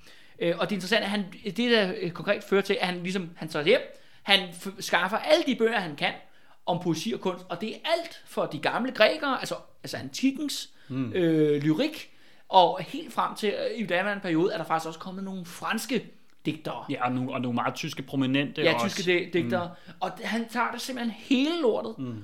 og lukker sig ind på sit værelse, og simpelthen går ned i det. Måske går han lige ud og henter noget vin en gang imellem. Ja. Øh, men det er det, han sådan set gør, fordi han har sådan en vision om, jeg skal være den bedste af de bedste. Ja. Og, og det kan man sige, det er meget udansk, at han virkelig dedikerer sig selv ja. til én ting, som på daværende tidspunkt er totalt brødløs. Ja, og det er jo også det, Og der, gør er ikke nogen, og der er jo nogen andre, der gør det. det gør ham jo også vildt interessant, det her med, at, at det han gør er ekstremt udansk, men ja. det han så er, det han udtrykker, er sådan et udtryk for, for sådan meget, meget, meget dybt dansk sprog, meget, meget stort dansk sprog og dansk kulturarv, og, og, og er en fuldstændig indgroet del af vores kulturkreds på alle mulige måder. Men det han gør, er så langt fra, fra Ja. ja. øh, øh, en måde at være dansker på i 1700-tallet, som man overhovedet kan komme. Ikke? Jo, jo, fuldstændig. Mm. Men noget, jeg også synes, at, ja. altså, det er, det er, nu har vi snakket meget om det, at man kan godt- kan lide vin, og Ja. druk og fester og så videre, men, men jeg har bare slet ikke heller ikke noget indtryk af ham som værende doven. Altså øh, for mig så Nej, han er i fremst- hvert fald meget dedikeret til sin kunst. helt vildt, altså for mig fremstår han sådan ekstremt flittig, altså sådan Ja. nærmest som om, at han kan ligge i en seng, mens der er øh, prostitueret og fest omkring ham, og så ligger han bare og grifler ned, ikke? Altså, jo, jo, jo. jo. Altså sådan, det, er tror jeg sådan- ikke er for, øh, forkert øh, betragtning. Og jeg tror også, han er jo nok også sådan en, øh, sådan, jeg, jeg tror også, han har gået i byen for at gå i byen på den hardcore måde en gang imellem, ikke? når han ligesom bruger for et break. Men øh, jeg tror også, at han er sådan en type, der har haft sådan en lommebog med hele tiden. Ikke? Ja. Du ved, og, ja, som du selv siger, og, og, og grifle ned, ikke? Jo, hvor der ikke har været den, heller ikke har været den der adskillelse mellem det liv, han lever, når han er ude, Ja. og så det liv, han lever som kunstner. Det er ligesom, det er et liv Ja. på en eller anden måde, sådan Ja. så han, han kan gøre det hele Det er, tiden. ikke, det er ikke en personlighed, han har opfundet som en sådan Nej. underholdningstrik. Og det er heller ikke noget, han skal sådan, åh, nu skal jeg også tage mig sammen og sidde og arbejde. Det er sådan, han er, altså, han er ja. sådan digter-digter. Han er den her sådan, og det er også derfor, han er blevet den her mytologiske figur. Altså, det er, han er sådan en arketypisk kunstnerfigur. Ikke? Altså, det, at det er hele hans liv, som er Altså, i kunsten. jeg vil dog sige måske, ja, altså, ja, jeg vil sige, alt, jeg er enig i alt det, du siger, Mads. Mm. Bortset fra, jeg tror, at langt brede befolkning har jo ikke rigtig noget kendskab til ham. Nej, nej, men hvis du var i 1800-tallet, ikke? Ja, det er altså, klart. Sådan, og det er jo et, noget af det, jeg, jo, jeg jo rigtig godt kan lide. Ikke? Ja, det er jo ja, sådan noget øh, god guld eller kunst. Og de har det helt overdrevet over Johan Sevald. Ikke? Ja, fordi altså, han er the frontrunner, ikke? Fuldstændig, og Ja. ja. han, han har ligesom, han har ligesom sådan skabt hele deres bane, eller sådan, Ja. Øh, Han er, og han, er, han er urfader til dem, ikke? fuldstændig, og de elsker ham. Og som du selv sagde, og det var faktisk vildt interessant, jeg havde ikke hørt det der med, at der var et rygte om, at Johan, Adam, Adam Ønslager var, var søn af Johannes Evald. Ja, i sådan en sidespring, ikke? Ja, og han er bare så naturlig en, en efterfølger til Johannes Evald på alle mulige måder, Adam Ønslager, ikke? Ja. Og som bliver den her centrale figur i guldalderen. Og for dem er Johannes Evald bare Gud. Og der er jo vildt mange malerier af Johannes Evald fra, øh, fra guldalderperioden. Der er sådan Ja. et meget strandbillede af ham og Arance, hvor øh, Arance står sådan med fingeren og peger ned på Johannes Evald, og han ligger helt syg i sengen der, ikke? Øh, med sin notesbog og et glas vin, tror jeg, eller Ja, sådan noget, som ja. er helt genialt. Ja. Øh, så jeg tror, at hvis man har været i den tid, så har han virkelig været en mytologisk Ja, der har været den figur. helt store, ikke? Ja, ja. Fuldstændig. Men, ja, men det er også bare i forhold til i en moderne kontekst, hvor mm. og det var derfor, jeg startede med det, det der med, jamen, du kan, I kender godt, alle kender faktisk en Johannes Evers produktion, netop Kong Christian. Ja. Men, men nu skal vi ikke get ahead. Nu, øh, nu skal vi lige holde os til, øh, Yes, yes, til, yes, til yes. narrativet. Øh, og han lukker sig simpelthen ind et år her, og begynder at arbejde på sin poesi, sin digtning. Det mest interessante er, at kan man sige, året efter, i 1765, der har Frederik den 5., øh, fordi der, der han ikke var totalt stiv og nok, de eneste få ting, han faktisk har taget initiativ til, det er at oprette Dansk Kunstakademi, mm. som så lige har kyldet hans byste i havnen som tak. Øh, men han har faktisk, øh, fordi det der Charlottenborg, hvor det ligger, det er jo faktisk ja. hans slot. Ja. Det var hans, det var, det var hans, ligesom hans palæ, da han var prins under Frederik Christian 6, som mm. blev i starten. Øh, og så gav han ligesom, da han rykkede ind på The Big House ikke, i kongeslottet, mm. jamen så rykkede han, så, øh, så gav han det så til kunsten mm. øh, senere hen. Og, øh, og de, de har sådan Dansk Akademi, Akademi, og de er ligesom, okay, det er en helt ny institution, et, et, en statsstøttet institution, hvis formål er sådan set at udbrede kunst og lave god kunst i Danmark. Mm. Og de ved jo ikke, hvor de skal starte, øh, fordi der er netop ikke nogen. Øh, så de, øh, det de gør faktisk, at de udbreder, udlaver en konkurrence, hvor de siger, jamen alle kan sende ind, Gud og hver mand kan sende ind. Øh, man skal skrive øh, et, øh, ja, et poesiværk, et digterværk øh, over øh, Guds egenskaber. Mm. Og det skal så også sige, og det er jo sådan en rigtig statsnød. Det skal fandme hylde Gud ja, eller kongen, ja, ja. ja, ja. begge ja. fordi ellers så ryger du i fængsel, ikke? Ja. Fordi det er, sådan, det er sådan, det fungerer på det her tidspunkt. Og der er jo også hardcore censur. Du kan jo ikke sige, hvad du har lyst til. Eller, for, eller forsamle dig på nogen som måde. Det er en diktatorisk enevældig stat. Øh, men der vælger, sjovt nok, Johannes Evald, han indtræder i konkurrencen, øh, og han vælger emnet syndefaldet. Mm. Hvilket jeg virkelig har stusset meget over, at han lige valgte den. At det, var Det- syndefaldet af Guds egenskaber, han valgte. Men ikke? det har jeg nemlig også kogt virkelig meget over, Ja. og jeg synes, det er... Og det er jo hans første gang. Ja, det er simpelthen hans debutværk. Det er det her, Ja. der hedder Adam og Eva, ikke? Jo. Og jeg synes, det, er- det er jo helt kanon. Altså, du tager bare, du tager skabelses... Altså, eller okay, det er ikke skabelsesberetningen, men det er, det, hvad kan man sige, det er toerens skabelsesberetning, ikke? Ja, det hvor, de, hvor, hvor hun spiser æbler, ja, ja. og mennesket bliver syndigt. det, det, ikke? det, er ligesom der, hvor mennesket bliver det, mennesket er, og den Ja. menneskelige historie ligesom træder, træder ind på scenen. Og det er ligesom det, det han, han vil beskæftige sig med som sin første. Det siger også noget om hans ambitionsniveau, ikke? Jo, Altså, han, han, han, det, og det er jo det, når, når du gerne vil være digter på den der måde, eller gerne vil være kunstner, kunstner, jamen, så beskæftiger du dig med det helt store. ja. Og det, det, det er jo bare sådan, så ved man ligesom godt, okay, det her, det er for real. Altså, han er ikke, Ja. han er ikke for sjov, ham der. Og det, det. Ja, og det, og det vidste de jo også godt der i 1700-tallet. Ja. Eller der var i hvert fald nogen, der gjorde. Der var nogen, der spidsede ører allerede der, ikke? ja. Men det sande er med den her konkurrence jo, at han bliver nummer to. Ja. Øh, og øh, da han bliver nummer to, så vælger han så at trække sig. Jeg har aldrig stillet op i konkurrence. Fuck jeres lorte konkurrence. Og, og han siger selv, at sådan, når han trækker tilbage, fordi folk, okay, det, vil, folk vil sådan, det kan sige, det er jo en meget snæver kunstnerkreds på det mm. tidspunkt. Det er jo ikke fordi, at han er kendt på det overhovedet. Øh, men han kommer lige på nogens radar, men han siger, ej, jeg trækker den tilbage, det skal ikke udgives øh, i sådan et samlet værk over konkurrencen, fordi det vil de udgive som bog eller digter samling mm. lige bagefter. Jeg siger, hvis jeg ikke kan være nummer et, så skal jeg ikke være slet, slet ikke være med. Nej da. Og det er virkelig interessant, at han siger, fuck ja, jeg prøver bare igen. Det er det. Og, og det fører faktisk til, at han lukker sig endnu ind igen på sit kollegeværelse i endnu et år. Mm.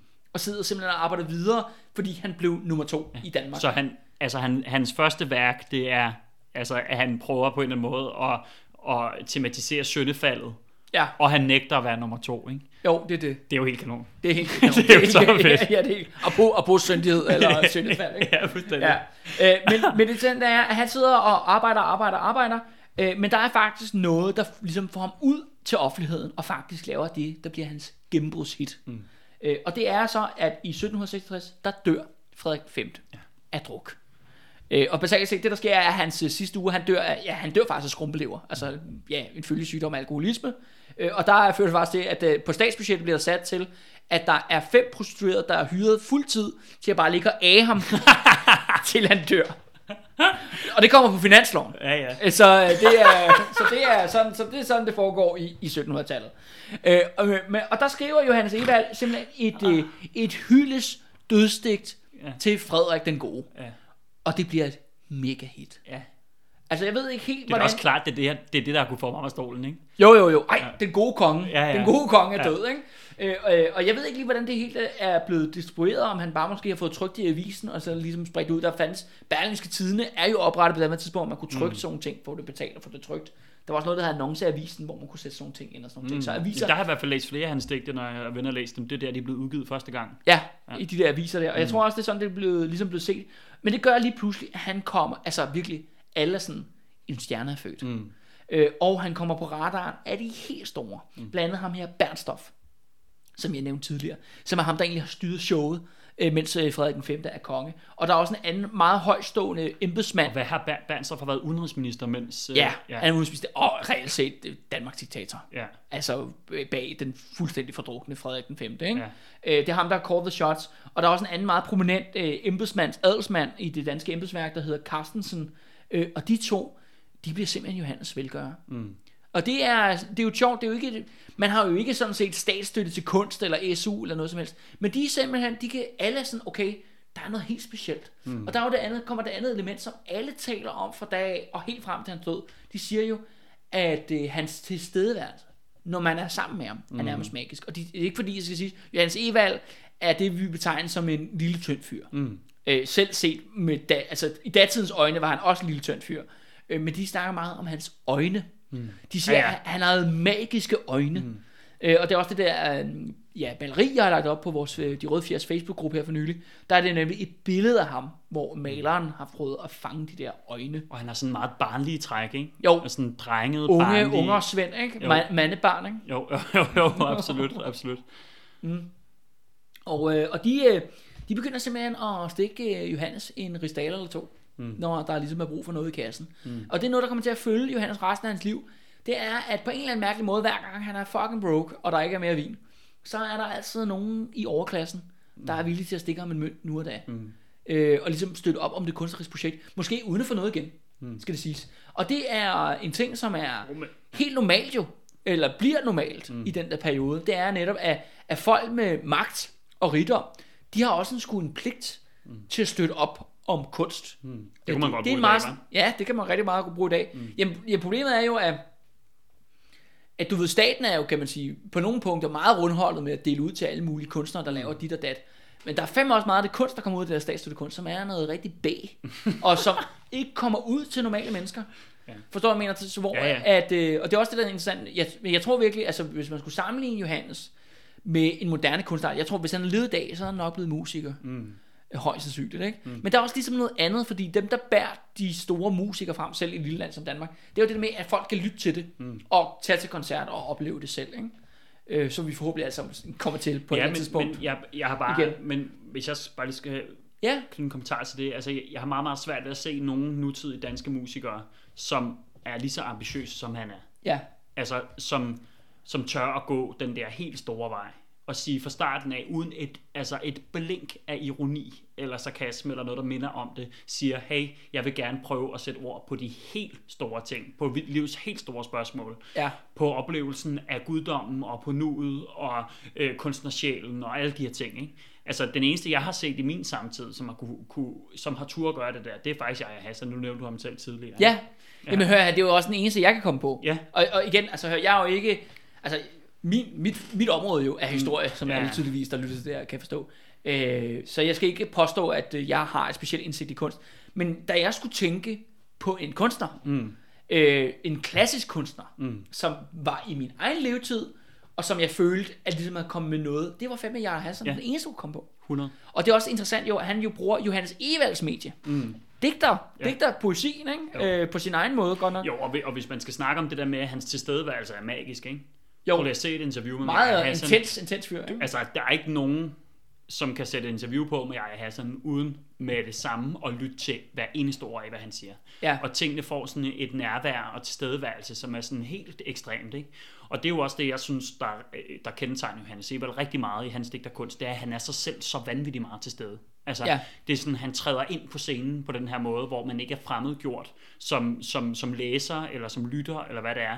Så, så sådan, fordi han er så tilstedeværende, så bliver man selv tilstedeværende. Og det samme er Hassan nu. Altså, se et interview med ham, læ, bare læs et interview med ham, hør ham øh, et digtoplæsning, så er man der bare, ikke? Jo, Og det er jo, altså, det er der bare ikke særlig mange, som Ja. har den gave, og slet ikke i dag, synes jeg. Jamen, jeg synes også, at Hassan er også fascinerende, fordi han jo egentlig tager, ja, han tog jo Johannes Evalds medie. Ja, Det medie, som Johannes Evald blev gennembrud for mm. i Danmark-Norge, øh, det tog øh, ja, Hassan og gjorde populært igen. Mm. Egentlig et medie, alle havde erklæret dødt, ikke? fuldstændig. Du ved, den er dead and gone, ikke? Folk, de Sælger spiller- sådan noget 200.000 eksemplarer. Ja, ja, folk, folk de spiller Playstation-spil, ikke? Ja. Du ved, de ser Netflix-serier, ikke? Det er det, de konsumer i dag. Og så lige pludselig, så skulle alle til at læse digt igen, Ja, ikke? fordi det er jo ikke det, det handler om. Det handler om, om det er vedkommende nok. Fortæller det noget, Ja. ja. som er vedkommende for dig, ikke? Og Ja. det blev det lige pludselig rigtig meget. Ja. Og han var sgu ikke støttet en eller anden gennem en latterlig kunstfond. Nej. Så er det sagt. Han trådte direkte selv ind, Ja, ikke? ja, Og sked ja. på hele lortet. Ja, det gjorde han. Ja, men uh, skål, skål på ham, uh, Mads. Uh, ja, ære været hans minde. Ja. Uh, det var sgu ærgerligt, at uh, vi ikke kunne have ham lidt længere. Selvom, virkede også selvom, lidt- det, vir- selvom det virker også som, der var pænt mange, der var virkelig irriteret over ham. Men, Jo, men apropos det der med destruktion og kunsten og sådan noget, så virker det også lidt uundgåeligt på en eller anden måde. Jo. Altså det var sådan, hvis man fulgte lidt med i hans liv, og sådan, så var man, var man ikke i tvivl om, hvilken vej det Ja. gik. Men altså, Ja, men også op- lidt, også lidt benegal og altså det der. alt det der. Fuldstændig, ja, men, ja. men taler om at, at, det der med at brænde op og brænde klarest i de år, man så er i live. Ikke? Ja, men han var jo Okay, altså, vanvittig det jo- ung jo. E- Fuldstændig. Endnu yngre end Johannes ikke? Absolut. Ja, Men, øh, men brændte måske også endnu vildere i de, de, fordi i de år, han trådte ind på scenen. Ikke? Han trådte Jo. ind på scenen som 15 år, ikke? jo, det gjorde Det han, helt ja. vildt. ja. og døde som 24 år, ikke? Ja, 25 tror Ja, jeg. 25, 84 ja, eller ja. 25. Når nogen siger, at vi alle er i samme båd, betyder det altid, at det er dig, der skal ro. Øh, men apropos dødsfald. øh, Frederik den 5. er død. Øh, Johannes, eller Johannes Evald har fået sit kæmpe store gennembrud. Men nu begynder der en anden periode i, øh, ja, i 1700-tallets Danmarks historie, øh, som også er en periode, hvor at Johannes Evald går rigtig meget på druk. Mm. Øh, og det er ikke kun ham, der gør det. Det gør vi sådan set alle sammen. I hvert fald, hvis man er københavner. Mm. Øh, fordi, hvem bliver konge efter Frederik den 5? Jamen, det gør den infamøse konge, der hedder Christian 7. Mm. En mand, som ja, som jeg vil, folk, han er blevet, han er blevet diagnosticeret med rigtig, rigtig mange ting. Alt fra skizofreni til autisme, øh, og så videre, så videre. Men ingen tvivl om, at han var, ja, psykisk syg mm. på det ene eller på det andet plan. Øh, og fuldstændig uegnet som monark. Endnu mere uegnet, end hans far var, Frederik den 5. Mm. Som allerede var voldsomt uegnet. Mm. Øh, men, Men intelligent, ikke? Altså, jo, det er interessant. Jeg, jeg, grund til, jeg, jeg kan godt lide den der med, jeg ser ham jo faktisk som autist. Mm. Fordi der var nogle ting, han var exceptionelt god til jo, Christian 7. Han var et sproggeni. Mm. Det andet ting er jo, at han har den her lange korrespondence med den største franske filosof i 1700-tallet, der hedder Montesquieu. Mm. Hvor at Montesquieu, ald, fordi Montesquieu besøger aldrig Danmark, mens han er i live, øh, han er slet ikke klar over, at Christian 7 er sindssyg. Det var helt vildt, jo, ikke? Når de har den der brystkorrespondence på fransk, fordi han skriver simpelthen så flot Ja. og, og så vidne og sådan nogle ting. Ikke? Og det er virkelig sådan, øh, jeg tror også, det er noget at gøre med det miljø, Christian 7. har, Mm. har i. Altså, de mobbede ham jo vildt meget ved hoffet. Mm. Altså, han blev virkelig mishandlet på mange punkter. Ikke? Jamen, hvem er det, der er hans opdrag? Er det ikke ham, der hedder Revenlov? Jo, jo, jo, men det er en, en, en anden greve i den her embedslægt og Bernstof og så videre, så videre. Ikke? Fordi Ja. ja. Frederik den 5. er jo heller ikke nogen som helst far for ham. Nej. Whatsoever. Nej, tror jeg på. Ikke? Og han bliver også konge i en øh, relativt øh, øh, ung alder, ikke? Jo. der i 1766. Og han lever faktisk helt frem til 1808. Så han er sådan set kongen resten af tiden. Øh, hvad hedder det? Ja, Johannes Evald er i live, ikke? Men det var også det, jeg hentede lidt øh, til tidligere, det her med, at de tre konger, som er konger, Ja, Johan Christian den Siep- 6., Frederik den 5. og Christian den 7. Og det, det er meget, det synes jeg er jo helt utroligt sigende også af, øh, hvad Johannes Eva ligesom er gjort af. Den er hardcore pietist. Ja. tort- Tørre, tørre kiks. knastør, og så bare den mest øh, fuldstændig festglade øh, konge. Partykongen, Ja. ja. Men, og så den her øh, for, lidt forstyr, forstyrret, sindssyge, måske øh, ja. Ja. skizofren eller autistiske konge, men som også er hyperintelligent og et sproggeni på en eller anden måde. Ikke? Ja, ja. Det stussede jeg bare virkelig over, da jeg sad bare lige og kiggede på tiden, og sådan, okay, det er de her tre konger, som har været der, mens Johannes Ebel har været i live. Ja, ja og det er... Øh, men det interessante er, at det, da, da Christian 7. ligesom kommer til, til ja, bliver konge, øh, det begynder han jo også at gøre, fordi han er vanvittig eller ustabil. Øh, han begynder jo at gå på druk også. Og det spørgsmålet er, jeg har bare sådan, ja, der tror jeg sgu måske, at Johannes Evald og Christian 7. har på et eller andet tidspunkt. Det er i hvert fald, øh, sandsynligheden er i hvert fald rimelig høj. Øh, Fordi at Christian 7. han begynder bare at vælte, nu er han jo ligesom blevet enevældig konge, og det er jo ja. det der med, han er jo enormt spærret inde, så længe hans far er i live. Men når han så er enevældig, så er man fucking enevældig. Mm. Og det vil sige, hvis hans underskrift står på et stykke papir, så skal du gøre det. Det står i loven, ikke? Men det betyder også, at når jeg var på druk, jeg var på bordel, så han vælter rundt i Københavns gader og mm. bare fuldstændig, øh, du ved, smadrer sig selv. Og du ved, og alle ser, alle ser kongen brække sig, alle ser kongen tage en prostitueret bagfra op i baren. Mm. Det, det er de scener, der udspiller sig her ja. i, i slutningen af 1760'erne. Ja. Det er fuldstændig vildt, hvad der Og foregår. så, og så står i København heller ikke. Nej, København er en pisse lille by. Ja. Altså, øh, øh, også dengang, skulle mm. jeg sige. Ikke? Øh, så alle har jo ligesom øh, øh, set det. Øh, og det er jo også derfor, at så senere hen, at øh, kongen tydeligvis øh, har brug for noget. Det skal også siges, at Christian 7. har jo, han er tydeligvis, han har det bedre øh, mentalt psykisk i den starten af perioden, og så bliver det meget, meget forværret senere hen, skal det siges. Så det er også noget tydeligvis, at det der med, at hans sygdom bliver også værre under den påvirkning, eller de omgivelser, han er i. Ikke? Og det er også meget sjovt at tale jo faktisk, han er jo Danmarks historiens mest kendte øh, syge person. Ikke? Mm. Øh, og det er også kun fordi, det skete med ja, en, en konge, at det, vi ved så meget om en persons øh, sygdomsforløb på den her måde i den her periode. Men det, der er jo virkelig kendetegnet er, som alle, der har set en kongelig affære, det er jo, at den her tyske læge, der hedder Struense, han har et rigtig, rigtig godt take på ham. Og ligesom bliver, ja, Danmarks diktator, manden bag magten, og får faktisk skubbet ham der Bernstorff ud. Ja. Det skal Og det er siges- det, man kalder Bernstorffs fald senere, ikke? Ja, Altså, ja, lige er- præcis. Ja. Øh, det skal så siges, at Struense giver også øh, Johannes Evald penge Ja. til op på kunsten. Og ham der Carstensen, som jeg nævnte tidligere, han øh, sværger bare loyalitet til det nye regime, Ja. og sådan set fortsætter. Og det er ikke fordi, det skal handle om Christian 7. og Struense, det, ser jeg nok, det vil jeg gerne love, og det skal jeg nok lave øh, noget mere om en anden dag. Øh, men det, der skal, man skal huske på, også for ligesom at sætte øh, Johannes Evald den her kontekst ind, det er, der begynder en reformperiode, mm. hvor censuren bliver ophævet, og der er den her liberale ånd over det hele i Danmark. Og er ligesom, bønderne lever jo som slaver, stavnsbundet ude på landet, har det pisse nederen. Mm. Men lige pludselig så sker der alt muligt i København, og det spreder sig ud til resten af landet. Og det gør, at København går simpelthen fuldstændig bananas. Mm. I, altså de, de taler jo om, at der er kæmpe sexorgier i kongens have om natten. Mm. Fordi kongens have bliver åbnet for første gang for offentligheden nogensinde i 1770. Mm øh, og er åbnet et års tid derefter under Struense. Det er et initiativ, Struense tager, og folk går bare på kollektiv druk. Det er øh, Summer of Love, det er sådan, øh, du ved, øh, Summer of øh, 69, du ved, bare i Danmark ja, i 1700-tallet. Ja. Ja. Og hvem er forrest øh, på, øh, i ja. den her drukfestival? Det er Johannes Evald. Ja.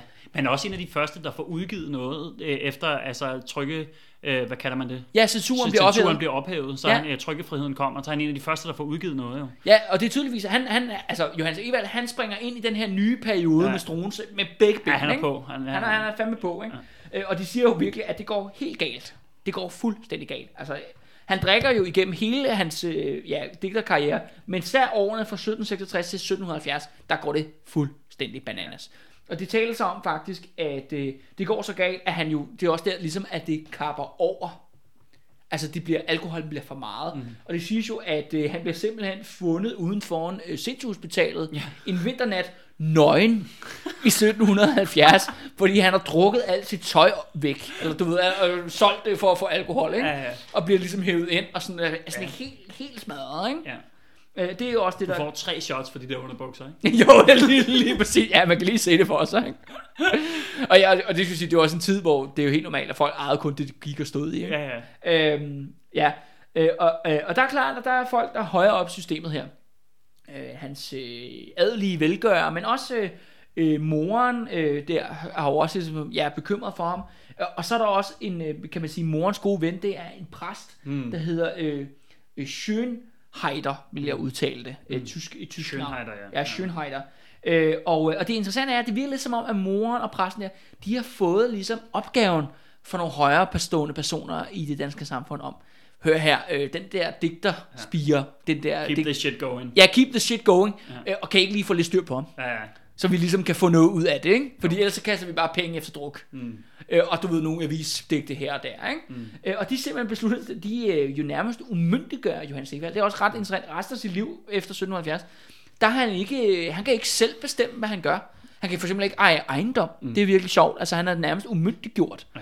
Øh, hvilket er ret øh, ja, sindssygt, når man er en hvid mand i 1700-tallet. Mm. det er sgu ikke mange, der oplever den.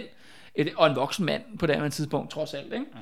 Men der besluttede de simpelthen, at de der moren der, præsten der, og hans øh, financial bankers, at øh, øh, Johannes Evald, han bliver nødt til at komme lidt væk fra København. Så vi kan få lidt mindre fest og lidt mere dækning. Mm. Øh, og de sender ham til en gård op i Nordsjælland, der hedder Rygård. Øh, og Johannes Evald er der lige præcis en dag. Og så flygter han ud gennem vinduet. og så flygter han hele vejen til København for at gå på druk. Og hvor altså den her præst skal igennem samtlige værtshus ind i København og sparke døre ind, ikke? for ligesom at finde ham der fucking Johannes Evald, ikke? Ja, ja. så han kan komme tilbage og skrive nogle digte. Ikke? Ja. Øh, men det interessante er så, at øh, de får åbenbart øh, vredet armen øh, om på ham, og sender ham tilbage på Rygård. Og der er ligesom, okay, så, så, ligesom, så slår han ligesom, øh, du ved, øh, lidt koldt vand i blodet.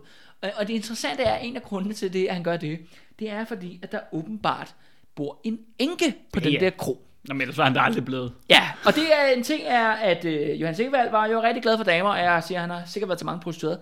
Men Johan Sevald havde et eller andet omkring enker. Mm. Det var altså noget, der bare, det rock his boat. Mm. Det skal så siges jo, at det var en tid, hvor folk de døde, da de var før. Så der var ret mange enker derude, mm. og det var ikke gamle enker. Mm. Det var jo yngre enker, ikke? eller modne kvinder, er det højst sandsynligt det, der er tale om. Og der var altså en på, øh, på øh, Rygård der i Nordsjælland, der ligesom fik ham til at, at blive hængende. Mm. Øh, og, det, og det skal også siges, at det, Rygård var jo en kro. Så det er ikke på noget tidspunkt, han stopper med at drikke. Altså han er i sit misbrug, men det er tydeligvis, at de, når han har sin gode perioder, så finder man ligesom en balance mm. i det. Det der med at drikke den der alkohol. Jo, altså det, det er i hvert fald et, øh, sådan et motiv, der dukker rigtig meget op i hans kunst. Det der med, at, at, at det handler egentlig ikke om drukken. Det handler om alt det, der følger med.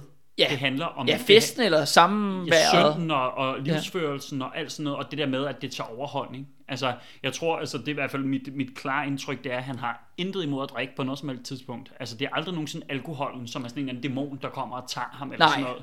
Det er slet ikke det. Det er mere, altså, det er meget mere, og det kan man også rigtig tydeligt læse, den der Rungsteds lyksalighed, at det er meget, det er meget byen. Altså, det er det der med, det, det det, byen gør. Men hvor, at så når han kommer ud på landet, så sker der noget andet med ham, eller sådan, øh, så, så ja, det er i hvert fald ikke, det er ikke alkoholen. Det er ikke, det, det er ikke alkoholen, der er det onde. Nej. Nej. Øh, men det interessante er jo, at i samme periode her i 1770, der har han også gået i gang med at læse Saxo. Mm. Altså den her, den første Danmarks historie, mm. Saxo Grammaticus. Og det fører til, at han laver sin næste kæmpe hit. Den, der handler om Rolf Krake, mm. som udkommer i 1770. Og basalt set er Rolf Krake, det er sådan en soundkonge, som man har fået fra Saxo af, øhm, som er sådan en ja, helt, som højst sandsynligt aldrig eksisteret, men som står i Saxos øh, Danmarks historie. Øh, og det laver han simpelthen en digt, øh, digt ting om, som udkommer og bliver et kæmpe hit. Og der kommer Johannes faktisk med sit første, udover, kan man sige, det første gennembrud, han kom med. Det var, at han bare bragte digtning til Danmark. Mm. Men det var jo noget, egentlig, han havde fra Frankrig på det tidspunkt. Det var ligesom kommet slået igennem først der, mm. og så tog han det ligesom til Danmark. Det andet, nu kommer det andet til, og han er slet ikke færdig nu, øh, med han kommer bringer til Danmark, det er det med det nordiske. Ja, Danmarks oldtid, ikke? Danmarks oldtid. Mm. Han er den første, der bringer, om man så må sige, vikingerne og alt det her mm. ind i Danmark igen. Ja, og igen, det- den der totale foregribelse af, hvad der sker i 1800-tallet, ikke? Jo, Altså den her sværmeriske tilstand, øh, hvor det man... nordisk, det er nordisk Ja. mytologi, det er alt og det man her. bare, uh, det kilder helt ned, når man ja. Beskæftiger sig med det her. Ikke? Og det gør han sådan, øh, nærmest spontant, og så der er selvfølgelig nogle tyskere, som gør det, som dyrker den her germanske øh, oldtid og germanske. Ja. fortid, og det er det, han også tror, jeg bliver inspireret til det her af. Men, øh, men, men sådan at bringe det ind på scenen på den her måde, Ja, og når man, hvis man har læst, Og hvad der ellers emne, er, ikke? ja, ja, og hvis man ellers har har læst, hvad der ellers er af litteratur på det her tidspunkt, så det, var, det, er sådan nogle, det, er sådan nogle, det er så vanvittige bold moves, ikke? En hver idiot kan være alvorlig. Men det kræver talent og begavelse at være morsom ja som øh, Johannes Evald sagde, Mads, øh, der er jo ikke noget som øh, godt selskab, som vi får glemt tiden. Den her episode den bliver, bliver længere og længere, øh, og mig og Mads, vi har stadigvæk en flaske vin endnu. Vi, vi skal have drukket færdigt, inden, øh, det, inden det her er færdigt, og vi mangler stadigvæk rigtig mange højdepunkter. Jeg vil bare sige, at øh, fred være med, øh, når du lytter med, at du måske lige slukker den lidt og laver noget andet end det tid, så kan du altid komme tilbage hertil, øh, for vi klør altså bare på. Øh, så selvom vi øh, ja, nok kommer til at ramme to timers mærket her. Mm. Øh, men sådan er det med, med stor kunst, det kan man jo fortabe sig dybt ind i. Øh, og det skal jeg også lige love for, at øh, Johannes Evald han gjorde. Øh, efter det her Rolf Krake her, så er han jo på mange måder virkelig, det er jo et nyt stort højdepunkt, ikke? for du skal huske på, at der kom jo den der Frederik den 5. stød der, mm. som er jo ligesom begravelseshymne, tror jeg nok den hedder officielt. Øh, og så gik det jo faktisk en del år jo faktisk. Mm. Der gik faktisk hele fire år, før det næste store hit, Rolf Krake, kommer. Mm. Men det fører Men, faktisk han, til... men, men det var bare lige for, måske lige knytte en kommentar til det. Ja, Øhm, han, han skriver også et, et digt til, til øh, Bernstof på et tidspunkt, Det er rigtigt, som ja. hedder Filet et eller andet, Ja. hvor, at, øh, hvor han simpelthen han har det helt vildt over ham her Bernstof. Og han dyrker ham nærmest som sådan en gud, guddom, Ja. øh, og, og som en, en frelser, at det er ham, der skal frelse bønderne og sådan noget. Det er sådan nogle motiver, der er i det her digt. Og det, er- det, det, det, og, men det bliver ikke et særligt stort hit. nej, men, men, også fordi, at Bernstof falder lige bagefter, fordi Struense ja. sparker ham ud, og Bernstof kommer aldrig til at redde de Præcis, bønder. og det var det, jeg synes, der var, fordi det er lige den her periode, hvor det netop sker. Ikke? Ja. Og så bliver der også lidt stille omkring ham, om det er fordi, at Bernstof forsvinder ud, det hvor er han det. har været velgørende. det er politisk, det, det er politisk, ikke? Jo, og, men, men så, så, han, så tager han ligesom en helt anden vej ind på banen igen. Han dykker simpelthen ned i den, i den nordiske oldtid. Ja, ja nordisk oldtid og mm. mytologi i det hele taget. Fordi ja. Ja. ja, Rolf Krake er ikke en rigtig person, det er en savnkonge, Ja, ja. Øh, som man vil sige. Ja, ja, men det er en rigtig god observation, det der med, det der med, at der ligesom sker det der, kan man sige, øh, skift. Men det er også, der er også en klar forventning om, at kunstneren og digteren, og det gælder jo ikke sådan set kun digterne, det gælder også malerne for den sags skyld, mm. de skal jo hylde fyrsten, som man siger. Ja. De skal jo hylde dem, der betaler for gildet. Mm. Det er også det der med, når en, en, der findes også en andre former for kunst, og det er jo især inden for kirkeudsmykning, eller palæer, eller hvad det nu er, arkitekter osv. osv. På den måde billedskærer og sådan ting. Alting handler jo om, at du bare skal vise, hvor bor, mange borgs du har, når du er på toppen af samfundet. Mm. Det vil sige, når man laver kunstnerisk arbejde, så er det tit bestillingsarbejde. Mm. Øh, og det er jo egentlig også måske højst sandsynligt det, at Johannes Evald har lavet til Bernstof der. Øh, selvom kan Ja, det er jo sige, lejlighedssangen jo. det er lejlighedsang, og det kommer vi til nu. Mm. Fordi efter Rolf Krake, der tager øh, Johannes Evald simpelthen på turné. Mm. Men kun i København. Mm. Men det er altså simpelthen en turné i København, kun mellem forskellige adelspalæer. Ja. Det lyder som sådan en popcrawl eller sådan Det, det er, og det er en popcorn, og det er en popcorn, der var i to år. det er en popcorn, der var fra 1771 til 1773. Øh, og, og det viser sig her, at Johannes han viser, at han har simpelthen et andet talent. Altså Ja. det er selvfølgelig, vi bliver selvfølgelig i digtningens verden, men han er åbenbart vanvittig god til freestyle. Mm-hmm. Altså han er sådan lidt, han tager lidt rap-gamet øh, før, der er noget, der hedder rap, ikke? Mm. Øhm, det er han, som du selv lige sagde, han skriver lejlighedsdigte. Mm. Og han kan åbenbart gøre det nærmest på 0,5. Ja.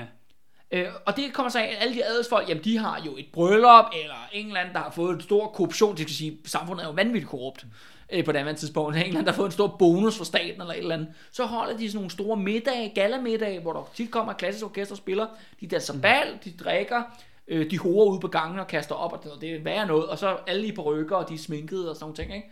Og så er det altså meget klassisk, at et, hvis du virkelig er noget ved musikken, så booker du selvfølgelig Johannes Evald til at komme. Og der er det bare sådan, Johannes Evald siger, Nå, hvem, hvem, hvem er det, der skal giftes i dag? Og du ved, Nå, så skriver vi, øh, du ved, øh, øh, Louise og Per, ikke? Du ved, Jo, jo. så skriver vi et eller andet hen over det, og ja. Guds engle, og Ja, ja. længe leve øh, Christian 7, ikke? Altså, det, det, er sådan noget, det, det er sådan noget, han ligesom Ja, og, af. og det der er grineren, det er, at du, du, du siger, altså nu siger du her, Louisa og Eva, eller Guds engle og sådan noget, ikke? Men det der er så fedt, når man læser de her lejlighedsdigte, det er jo, at det er mange af dem, som er, tid, som er senere blevet hans kæmpe klassikere, ikke? som er Jo. kæmpe, kæmpe, kæmpe digterkunst, ikke? som er lejlighedssange. Ikke? Altså, Jo. det er jo helt vildt. Ikke? Vi har jo alle sammen siddet, altså nu har jeg selv boet på Bornholm i, no, i en årrække, ikke? kan man sidde i et eller andet forsamlingshus i Rø, hvor der sidder en Hvor eller der anden er en, der har skrevet en lejlighedssang. Ja, så sidder der en eller anden fyr med, på et keyboard med en hat på over hjørnet, ikke? Jo, jo. og sætter en trommemaskine på, ikke? og så er der en, der rejser op og, og, og synger en lejlighedssang. Ikke? Jo, jo.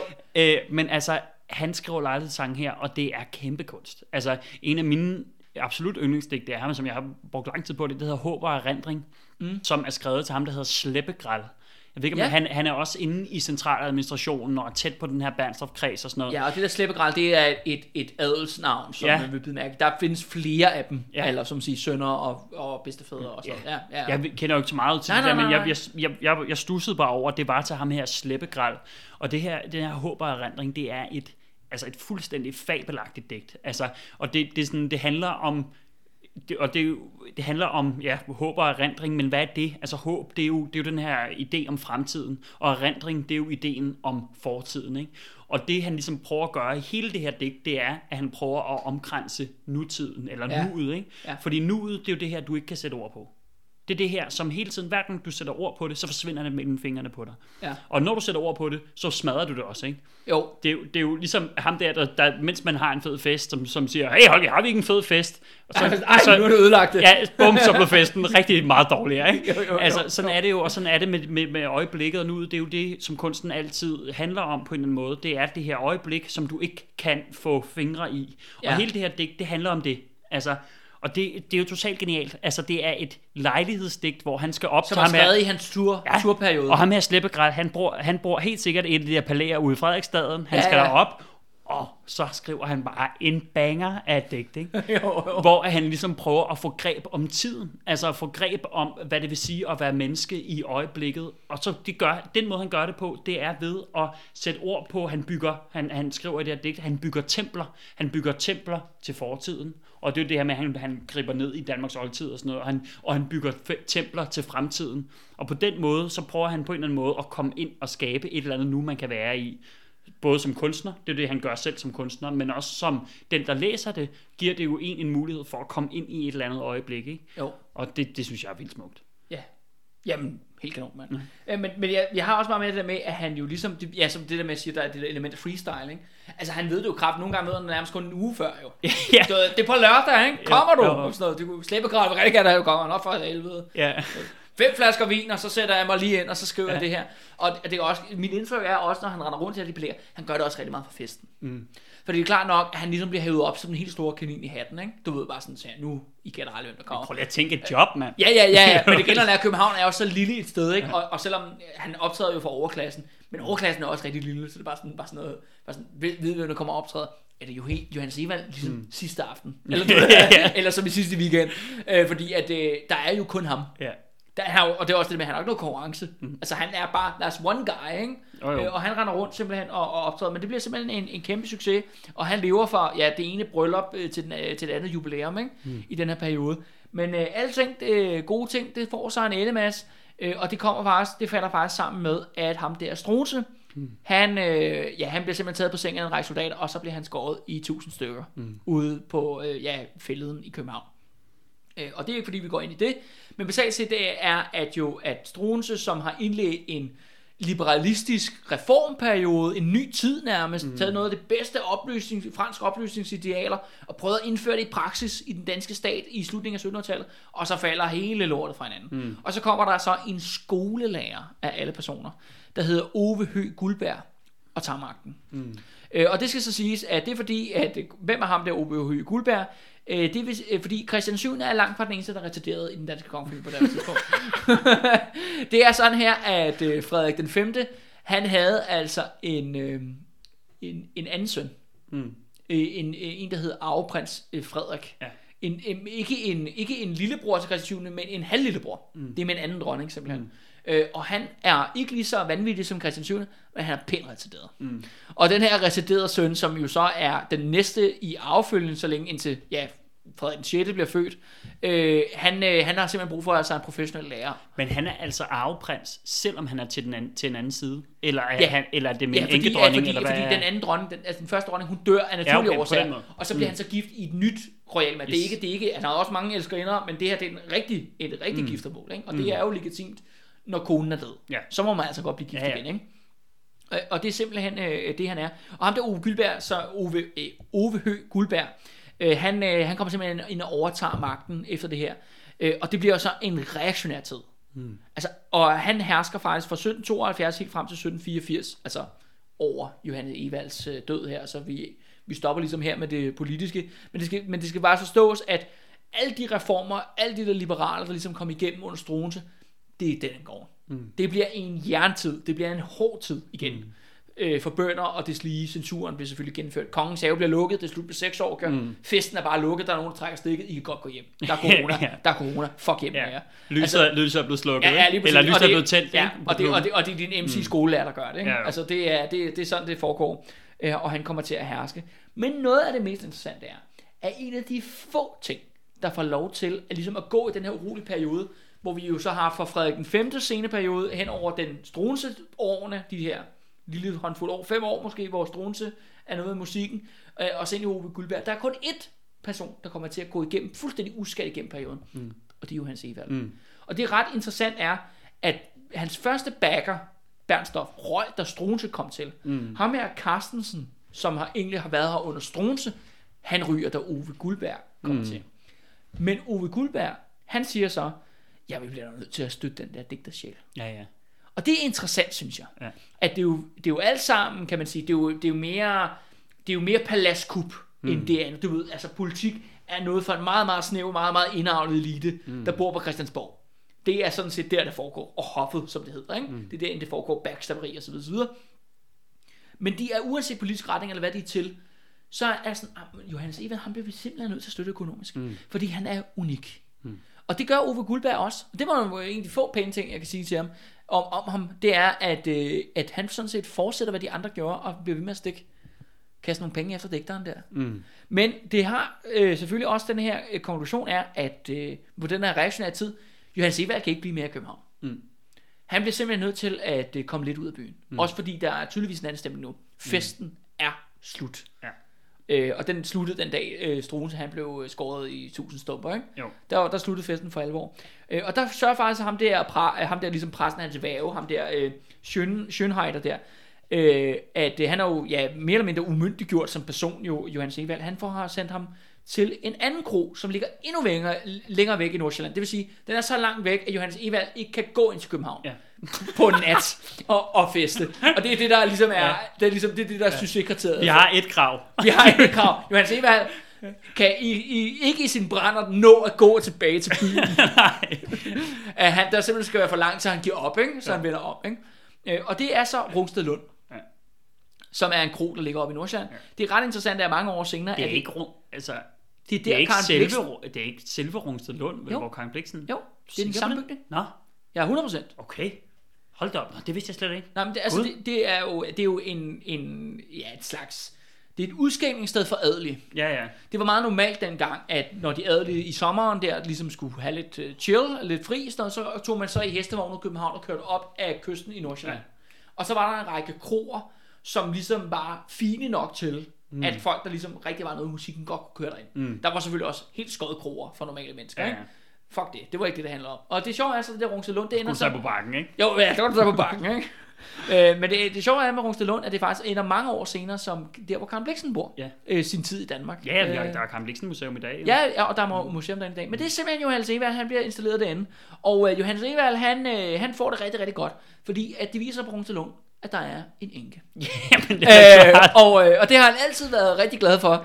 Ja. Øh, de her enker, der simpelthen kører alle de her kroer i Nordsjælland, det vælter simpelthen rundt med dem øh, mm. deroppe. Øh, øh, øh, men der begynder han så også, at det der med, at sige, at han ligesom, han drikker, men det er under kontrol, og det er også her, han har sin mest kreative periode. Mm. Det er her, at der kommer aller, aller flest produktioner ud af ham. Mm. Det er oppe på Rungsted Lund. Fra 1773 til 1775, der kommer de altså simpelthen en lindstrøm, en sand hitparade. Mm. Øh, vi har den, der som du allerede har nævnt, Mads, øh, Rungsted Lunds øh, lyksaligheder. Mm. lyksaligheder. Han vender tilbage til det nordiske, der er den, der hedder Balders død. Mm. Den udkommer også i den her periode. Og så begynder kommer levnet og meninger. Mm. Bliver også skrevet i den her periode. Og så sammen med en masse andre øh, mindre produktioner. Og nu vi er ved det her øh, levnet og meninger, ikke? Altså. Ja. det er jo... Altså, i den her tid, altså, øh, der, der er det jo et Der fuldstændig... findes ikke en biografi på det her tidspunkt. Det, det er jo fuldstændig unikum, ikke? Altså, det er... Og, en- og, og ikke andet end af adelsfolk eller kongelige. Nej, nej, nej, slet ikke. Og, og, men det, det, det, det, der ligesom legitimerer det lidt på en eller anden måde, det er, at det har sådan et snært af noget bekendelsesværk. Altså, Ja. at det er sådan noget med, altså det er ligesom uh, Sankt Augustins Confessions og sådan noget, ikke? Altså, hvor det sådan, det, det passer på en eller anden måde stadig ind, i, på en eller anden måde, ind i en eller anden religiøs kontekst.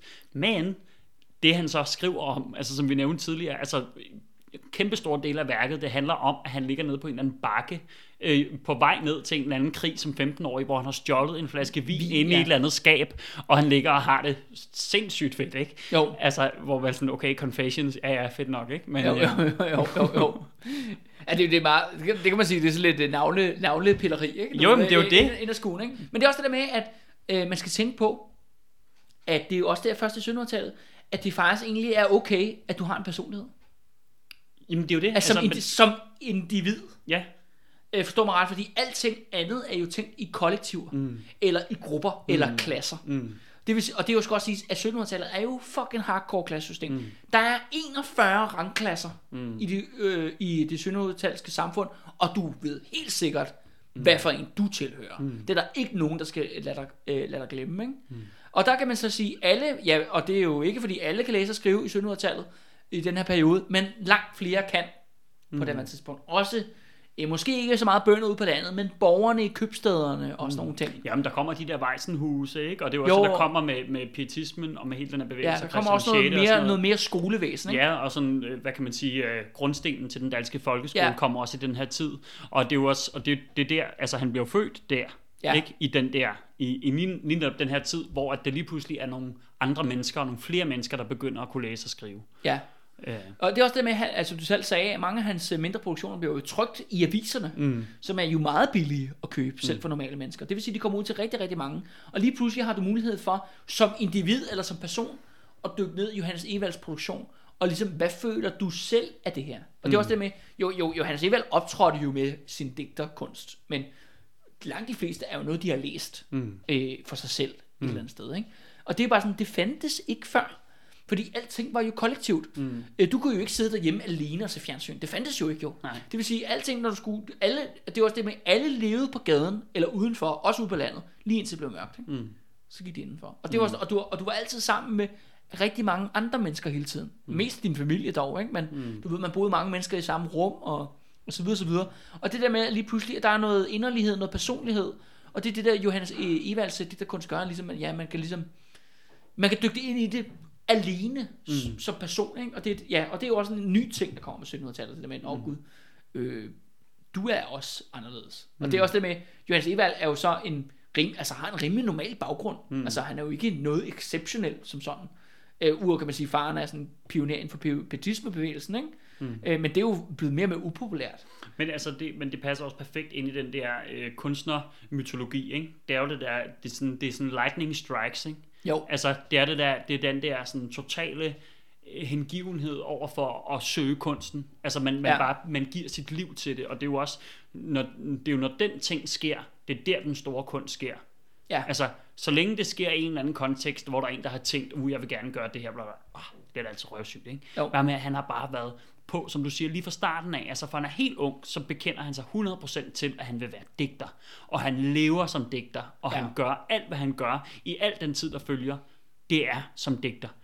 Og det er bare, det er jo helt vildt, fordi det, det er sådan en, fordi der, man- altså i den her kontekst kan man virkelig snakke om, at lightning strikes, fordi der er ikke nogen andre. Der er ingen før, Nej, der er som har gjort det her. Ja, ja, ja. Og det, det, det der bliver så sådan, det bliver sådan, synes jeg, lidt mystisk egentlig nogle gange, når man kigger på det. Og det, der har gjort ham altså, til så spændende, som han har været, og også, må, tror jeg, det, der har gjort ham så fuldstændig vanvittigt inspirerende for de her 1800-talskunstnere. Altså, fordi de har kigget på den her tid, det er jo den tid, der er kommet lige før deres tid.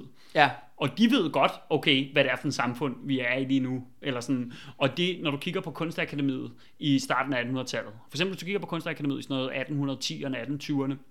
De der lærere, der er derinde, de er røv dårlige, fordi der er stort set ikke nogen kunstnere. Der er Ja. ikke nogen kunstnere, du kan putte dig ind. Der er sådan noget 3-4 stykker eller sådan noget, ikke? Så er der en af dem, der er god, og så er der tre totalt baglamme tosser, ikke? Som Jo. render rundt derinde. Ikke? Og så, og Så kun er der, fordi de får statsstøtte. Ja, ja, men, men bare fordi, nå ja, hvad fanden, ikke? Ja, ja. Men, og så kommer Eggersberg, og så sker der alt muligt, men det er, jo, det er jo en anden historie. Men det er bare, jeg tror bare, som, som kunstner i den der periode, så har man virkelig haft den der følelse af, okay, øh, ham her, han har altså levet, han har, han har været ung i, 18, eller i 1750'erne og 60'erne.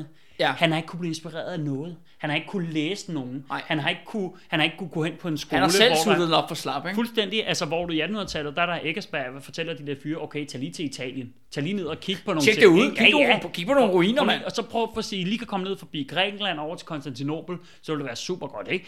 Øh, hvor at i 1750, øh, der er der ikke nogen, der fortæller Johannes Evald de her ting. Det Nej. er bare ham selv, der tænker, okay, nu giver Ja, jeg den han, bare han fuld opfinder den ikke? dybe tallerken, altså literally, ikke? Jamen, fuldstændig, ja, ja, ja. fuldstændig. Han prøver bare, han prøver øh, helt bogstaveligt talt at sætte ord på det at være i live, det at være menneske, det at opleve øh, øh, verden, det at opleve nuet, det at opleve guddommen og alle de her ting. Og det er bare, det er sådan rimelig baller. Altså, fordi dem, der har været før, de har jo passet ind i sådan en eller anden kontekst af, af, af, af stat og kirke, og øh, så, bliver, øh, øh så skal du skrive nogle digte, der passer ind i en eller anden kontekst, og så har der har helt sikkert været noget super god digterkunst, men det har været, altså, det har passet fuldstændig ind i den her samfundsstruktur, samfundsstruktur, man har haft. Så kommer der en, som han, han- det er jo ikke fordi, han er jo ikke sådan revolutionær eller noget som helst. Nej, han er nej, jo bare nej. kunstner, ikke? Øh, og han, han Nej, heller jo, ikke- Johannes Evald er ikke ude på at ændre samfundet Nej, eller noget som og helst. det er jo også vildt interessant ved ham, det er, at han, han bliver ikke uvenner med nogen. Altså, Ja. han, han, han er ikke sådan, han lægger sig ikke ud med folk. Ja, som eller vi, noget som ja, helst. ligesom vi De snakker om, jo, der ja, sker nogle politiske skift jo Ja. i hans øh, periode. Men ikke? de alle sammen, de synes bare, han er super fed, ikke? Jo, jo, jo. Ja, men han samtidig bevarer hans fuldstændig sin kunstneriske, kunstneriske integritet, og bliver ved med at søge ind i det der, altså, det er det her, jeg gerne vil som kunstner, men uden at lægge sig ud med denne her status, vi er stadig enevælden, ikke? Jo, jo, jo, 1700-tallet. hardcore indimellem. Og det- og især med Ove Guldberg, så er der jo Ja. slået hårdt ned, prøv, ikke? prøv at tænke at kunne gå den balancegang, og Ja. være hardcore kunstner, altså fyre den fuldstændig max, ikke? Og Jo. prøve, og det er helt store i din kunst, men samtidig ikke lægge dig ud med en enevældig stat, hvor at, at, at, at kongen er indsat af Gud, og så videre. Det, det synes jeg, det er en rimelig vild præstation på en eller anden måde. Det er det. Ja. Ja, skål på det, Mads. Ja, så er lige noget vin, ikke? Jo, Ja, skål, Mads. skål. Og skål derude. De røde fjer. Der er et yndigt land. Og apropos, øh, ja, lyksaligheder, han har nogle rigtig gode år der på Rungsted med enken der, og så videre, så videre. Men alting får en ende jo, og det er, at i 1775, der dør enken. Mm. Og så går det altså fuldstændig ned ad bakke for Johannes. Han får simpelthen det, der er nok en kunstner og en digters værste mareridt. Han får en skriveblokade. Mm. Han kan ikke skrive. Og hvad gør man, når man ikke kan udtrykke sin kunst? Jamen, så er der kun død, dødspiralen tilbage, ikke? Og han er også, han er også pissesyg på det tidspunkt. Ja, og han ja, og ramt af gigt mere og mere, altså sygdom og, og syge, altså sengeliggende mm. i længere og længere perioder. Der bliver fortalt nogle historier, når han kommer tilbage til København herfra, at han er fuldstændig krum, krumrykket, ikke? Ja, jo, jo. Øh, og er sådan, kan kun gå, kan kun bevæge sig rundt med stokke og sådan noget, ikke? Ja, ja, ja, sådan, ja, helt, altså det er kun, ja, hans krop er død, ikke, men hans hjerne lever stadigvæk, ikke, eller hvad man siger, mm. ikke, øhm, og hjerne og hjerte. Øh, men han, øh, simpelthen med enkelt stød, der fører, altså, ja, han har nok ikke løbet til København, han har nok hyret sig en vogn, mm. øh, men han går altså på smadret druk, han finder simpelthen, ja, flygter fra kronen, mm. og kommer tilbage til København og går på dødsdruk. Og det ender simpelthen faktisk med, at han blev indlagt på sindssygehospitalet i, på Vartov, mm. lige ved siden af det, der er rådspladsen i dag. Mm. Øhm, hvor han er mere eller mindre raving mad, ikke? Mm. Altså, virkelig, det er nok det laveste nede, Johannes Evald kommer i sit øh, korte liv. Det er i den her periode her, øh, ja, 1775, 1776. Øh, men, øh, da han ligesom kommer til sig selv, efter ja, et års tid, efter at have været ja, mere eller mindre klædet død, øh, sindssyg, øh, så øh, sørger ham der, ja, øh, Schön, Schönheider for at installere ham i en lejlighed med en værtinde, en enke, mm. øh, på Skinnergade i København. Altså, men det skal også sige, han er simpelthen så inden, han, altså som du selv taler om, Mads, han er ikke en, der kan føjte mere ude på gaden. Han kan mm. selvfølgelig drikke masser af vin, men han er ikke rigtig i stand til at løbe rundt mere mm. efter det her øh, indlæggelse, og derfor kan man godt installere ham i København. Mm. Øh, og der kommer han så ind der i Skinnergade 1777, og der har han faktisk sine sidste år, som faktisk også bliver rigtig gode. Mm. Og, og noget af Johannes Evald ligesom lige pludselig opdager, da han ligesom kommer tilbage til København, og kommer faktisk til at være bosiddende i København, efter faktisk at have været en del år jo faktisk, og ikke at bo i København, men bo i Nordsjælland, det er han opdager lige pludselig, han er blevet super kendt. Mm. Han er pludselig blevet allemands eje, Mm. og ikke kun, du ved, adelige og rige borgersøn og sådan nogle ting.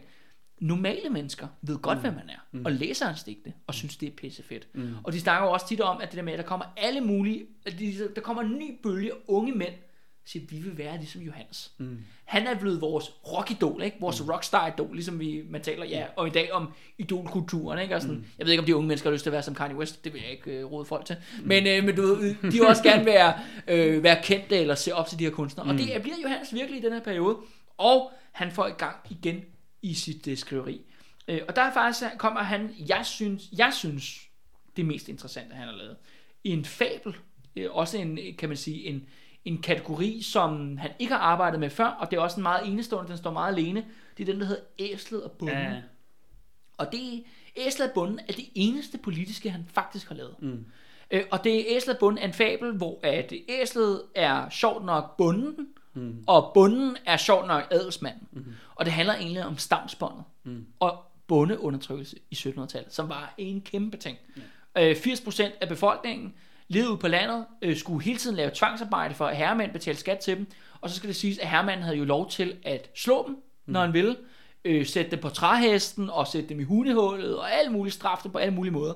Og der findes masser af incidents, hvor adelsmænd og foder, de simpelthen har tævet bønder ihjel mm. foran hele landsbyen.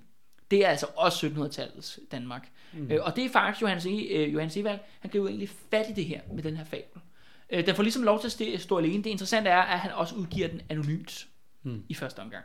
Øh, og det, ja, den står ligesom ja, alene der. Øh, og det synes jeg bare er enormt interessant, og det er en, ja, hans eneste politiske produktion. Ja, og det er jo også i den her tid, der kommer også det her øh, værk. Han prøver at lave sådan en dramatisk værk, der hedder Fiskerne. Og det er jo det, vi når til nu. Okay, godt nok. Ja. Ja, ja men, det, men det, er bare, det er jo fordi, i Fiskerne, der er det jo også, der, der træder almindelige mennesker lige pludselig ind på scenen. Ikke? Ja. Og det har, de, det har de jo aldrig været før. Ja. Øh, jeg ved, det kan godt være, at jeg foregriber, hvad, Du, hvad det, du kommer ind foregriber det totalt. Ja, ja, ja. Så, Men, men lad os bare tage fat i det, fordi Ja. at, at du ved, ligesom Æslerbunden er ligesom han første gang kommer ud af sin skriveblokade. ja, ja. Men i året efter, i 1778, der skriver han værket. Mm. Det, der ligesom skal gøre, og det er der kong Christian kommer ind i billedet, det er det, som du lige sagde, Mads, netop fiskerne. Ja. Det skal siges, at forhistorien er, at fiskerne er en historie, som står i sådan en skolebog, en, af en fyr, der hedder Ove Malling, som har skrevet sådan en skolebog, så ikke, der findes ikke statsskoler på det her tidspunkt, der findes ikke en folkeskole, mm. men der findes nogle private skoler, mm. og der er nogen, der begynder det der med børnelitteratur, eller sådan læringslitteratur, skolelitteratur, det bliver ligesom et, et nicheemne, man kan købe og man kan lave. Mm. Og der er en fyr, der hedder Ove Malling, som er sådan intellektuel, han har fundet frem til en rigtig historie, op for Gilleleje i Nordsjælland. Øh, og, og det er så noget, der foregår en del år tilbage her, du ved, 10 år mm. i 1778, øh, som, lå, som står i den her bog. Og den her bog har øh, åbenbart Jonas Evald har fat i. Men der er Ove Malling, han skriver om de her fiskere. Der er en storm, og der er et engelsk skib, der ligger ude for Gilleleje og ved at gå ned. Mm. Hvor er lige pludselig lokale fiskere, de stormer ud på stranden, og så på trods af alle odds, så redder de hele besætningsliv. Mm. Og det skriver han om i den her skolebog, som det ligesom skal være et forbillede for danske skolebørn. Mm. Om de siger, jamen, du kan også som normal person være en held. Og det tænker Johan Evald, og det er jo sådan en rigtig beretning. Det er en rigtig historie, det her. Jo- Johan Evald, han tænker bare, sådan, det der, det er det mest geniale, jeg nogensinde har hørt om det mm. der. Vi skriver et helt fucking teaterstykke mm. omkring det her. Og det er lige pludselig, ja, øh, Æslerbund, en fabel. Nu skifter mm. han simpelthen genre, nu prøver han at skrive et teaterstykke mm. øh, med fiskerne, hvor der så skal siges, at monologerne er ligesom at læse hans digte. Mm. Der er sådan en mand, der stiller sig op i fiskerkostyme, Ja, ja, ja. ja. og så har en lang svada, om, som er Johannes Evald, der snakker. Øh, og så Ja, man skal ikke for, for, forvente sådan noget på en top af den litteratur, vel? Nej, altså, nej overhovedet ikke. Det, vi er så langt fra socialrealisme, som det overhovedet kan komme. Ikke? Altså, bortset fra kan man sige, at der er så en socialrealistisk kontekst, Ja, ja, man ja. skal have med. Ikke? Øh, og men det sandt er, øh, at øh, det laver han, det bliver et kæmpe hit, det teaterstykke. Du ved, det rydder husene, alle skal ind og se det. Men det mest interessante er, at Johannes Evald i relation til øh, det her øh, teaterstykke, hvor der er de her digtere, og det handler om de her fiskere, der redder, de har været britter, er, at der er sange med for første gang mm. i det her teaterstykke. Og der er ligesom, skal vi kalde det, finale nummeret. Det er kong Christian stod mm. ved høje mast. Mm. Hvor lige pludselig alle fiskerne, de rejser sig op og synger den her kongesang. Mm. Øh, og sangen kan man sige, hvis man kender lidt til teksten, og jeg lover også, at øh, vi skal høre den lige om lidt. øh, men øh, at den handler jo så om ja, Christian 4 og nogle andre tordenskjold og alle mulige krigshelte. Mm. Øh, og det handler så noget om, at han ligesom Johannes Evald skal skrive sig ind den der 17, øh, 1700-tradition, og ligesom om glorificere staten eller religionen, mm. eller begge dele helst, øh, på en gang. Men det er det der med, at det er en række fiskere, som lige har gjort noget heroisk. Nogle normale danskere for første gang nogensinde i en kunstnerisk produktion. Altså bortset fra Ludvig Holbergs, øh, hvad hedder det, dramaer, der skriver sig ind og gør noget helt heroisk, redder dagen, og så slutter de simpelthen af ved at hylde de danske konger Selvfølgelig. i sådan sang. Mm. Og det er basalt til det, og det er jo mega hit. Mm. Det bliver jo en landeplage, mm. uden lige for 1778. Og det grinerne er jo så, det er jo en landeplage den dag i dag. Ja, vi bliver i hvert fald tvunget til at høre den, ikke? Vi bliver tvunget til at høre den. det gør vi. Øh, Men det bliver simpelthen et øh, mega hit. Øh, Og så ganske få år efter, i 1781, der dør han. Mm. Johan Sevald, 38 år gammel, i en kombination af gigt og druk. Mm. Øh, og det fører faktisk til en ja, global landesorg, eller ikke global, men en sorg i Slesvig-Holsten, Danmark og Norge mm. og Island. Ikke at få glemt, det er sådan set øh, Danmark, eller ja, Danmark-Norge, hvordan det ser ud på det her tidspunkt. Mm. Øhm, og som du selv, vi har været inde på en del gange efterfølgende, han bliver jo simpelthen et ikon. Mm. Og især for de her, som du nævnte, guldalderdigterne. Mm. Og det er bare værd at mærke, nu er der også den her røverhistorie om, at øh, Johannes Evald er faktisk i virkeligheden Adam Ølslagers far. Mm. Det tror jeg er noget bullshit, men, men, der er en ting, der i hvert fald er sikkert, så var det, at Adam Øslager var fuldstændig besat af Johannes, Fuldstændig. af Johannes Fuldstændig godt sige, okay, godt være, at han ikke var hans biologiske far, vel? Ja. men altså, hold da op. Det er jo, altså, de, altså de emner, Ønslag, han beskæftiger sig med, og hele den tradition, han tager op, og så på en eller anden måde manifesterer i Danmark, ikke? Det er, i Det er det nordiske, 1800-tallet, ikke? det er det nordiske, og det er det normale mennesker. Ja, Du ved, det er de her, det er de her oder, ikke? Altså, ja. det er de her hyldestigte til, hvem det nu er, hvad, hvad det er. Og så er det også det her, altså, det er det her kæmpe vingesus, ikke? Altså, det er det her episke, at man tør at omfavne de helt store temaer, ikke? Jo. Altså, hvor Ønslager, altså, han, han brager ind på scenen med, jeg tror faktisk, det er Latin, der er hans, øh, hans debutværk, ikke?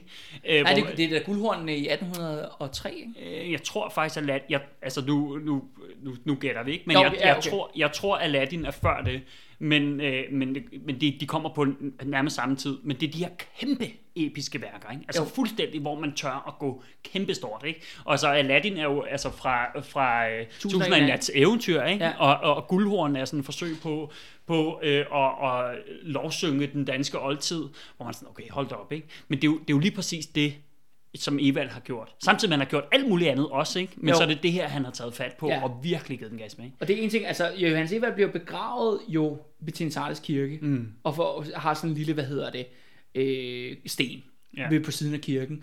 Fordi ja, det var der, hans far var præst, det var der, han boede tæt på, og hans mor ja, også begravet der, og så videre, så videre. Øh, Og det siges jo, at Adam Øslag, i hvert fald i hans tidlige år, var at besøge den forpulede gravsten hver eneste dag. Han har jo et digt, jeg tror, han har, Han har et digt om Ja, Johannes hedder Evalds- Evalds grav, eller sådan Ja, noget. ja, lige ja. præcis. Ja. Så det er jo tydeligvis, og, og man kan stadigvæk tage, man kan tage ind til Rundetårn mm. og se Johannes Evalds grav mm. den dag i dag, hvis man har lyst. Øh, men det interessante er, og grund til at bringe Adam Øslager op, mm. det er fordi, at Johannes Evald, han skriver Kong Christian. Mm. Og det bliver jo på baggrund af popularitet, det Danmarks første nationalsang. Mm. Men hvem kommer til at skrive den anden nationalsang? Der er et yndigt land, som er nok den allerflest folk kender. Det er jo Adam Øslager, der skriver mm. den i 1819. Mm. Og det er jo så virkelig, det nu synes jeg er interessant, fordi Danmark har jo ikke én nationalsang, vi har to. Ja. Og vi har øh, den første, som er den, ja, det er kongesangen, det er den, skal vi kalde den, med militære krigssang, det er jo den, Johannes Evald har lavet. Og så kommer ligesom den folkelige med Adam Ønslager. Og så er det bare ja, enormt fascinerende, at ham, der skriver, der er et land, var så dybt fascineret af ham, der skrev den første. Mm. Og der er jo ret langt imellem 1778 til 1819. Mm. Det er altså ikke en lille periode, vi taler om her. Og Nej, så, men, men kunstnerisk, altså på det ja, er det tidspunkt... forbundet? Ja. Ja, forbundet, men, det, det, det var, men kunstnerisk er det også en ret lille periode, fordi der ikke rigtig er noget. Altså, Ja. hverken i malerkunsten eller i digterkunsten, så sker der ikke særlig meget i denne her periode. Ikke? Altså, i, i, i malerkunsten, der er det bare der er det sådan Jens Jul, der bare sidder på helt lortet, ikke? Jo. Øh, og så maler alle de store ting. Øh, og i digterkunsten er der ikke rigtig, der, der, der er ikke noget, der træder ind på scenen, og så kommer Ønslager bare, kap, Ja. bum, der i starten af 1800-tallet. Ikke? Han- Han bliver jo, altså det vil sige, ja, det kommer også på, hvad, hvad du synes, Mads, hvem, hvem er størst, Johannes Evald eller Adam Mønslager, ikke? Jamen, altså, jeg vil sige... Fordi, sådan- fordi at de, altså det er virkelig, altså det er det der med, at de, han, som du selv siger, Johannes Evald er den første, mm.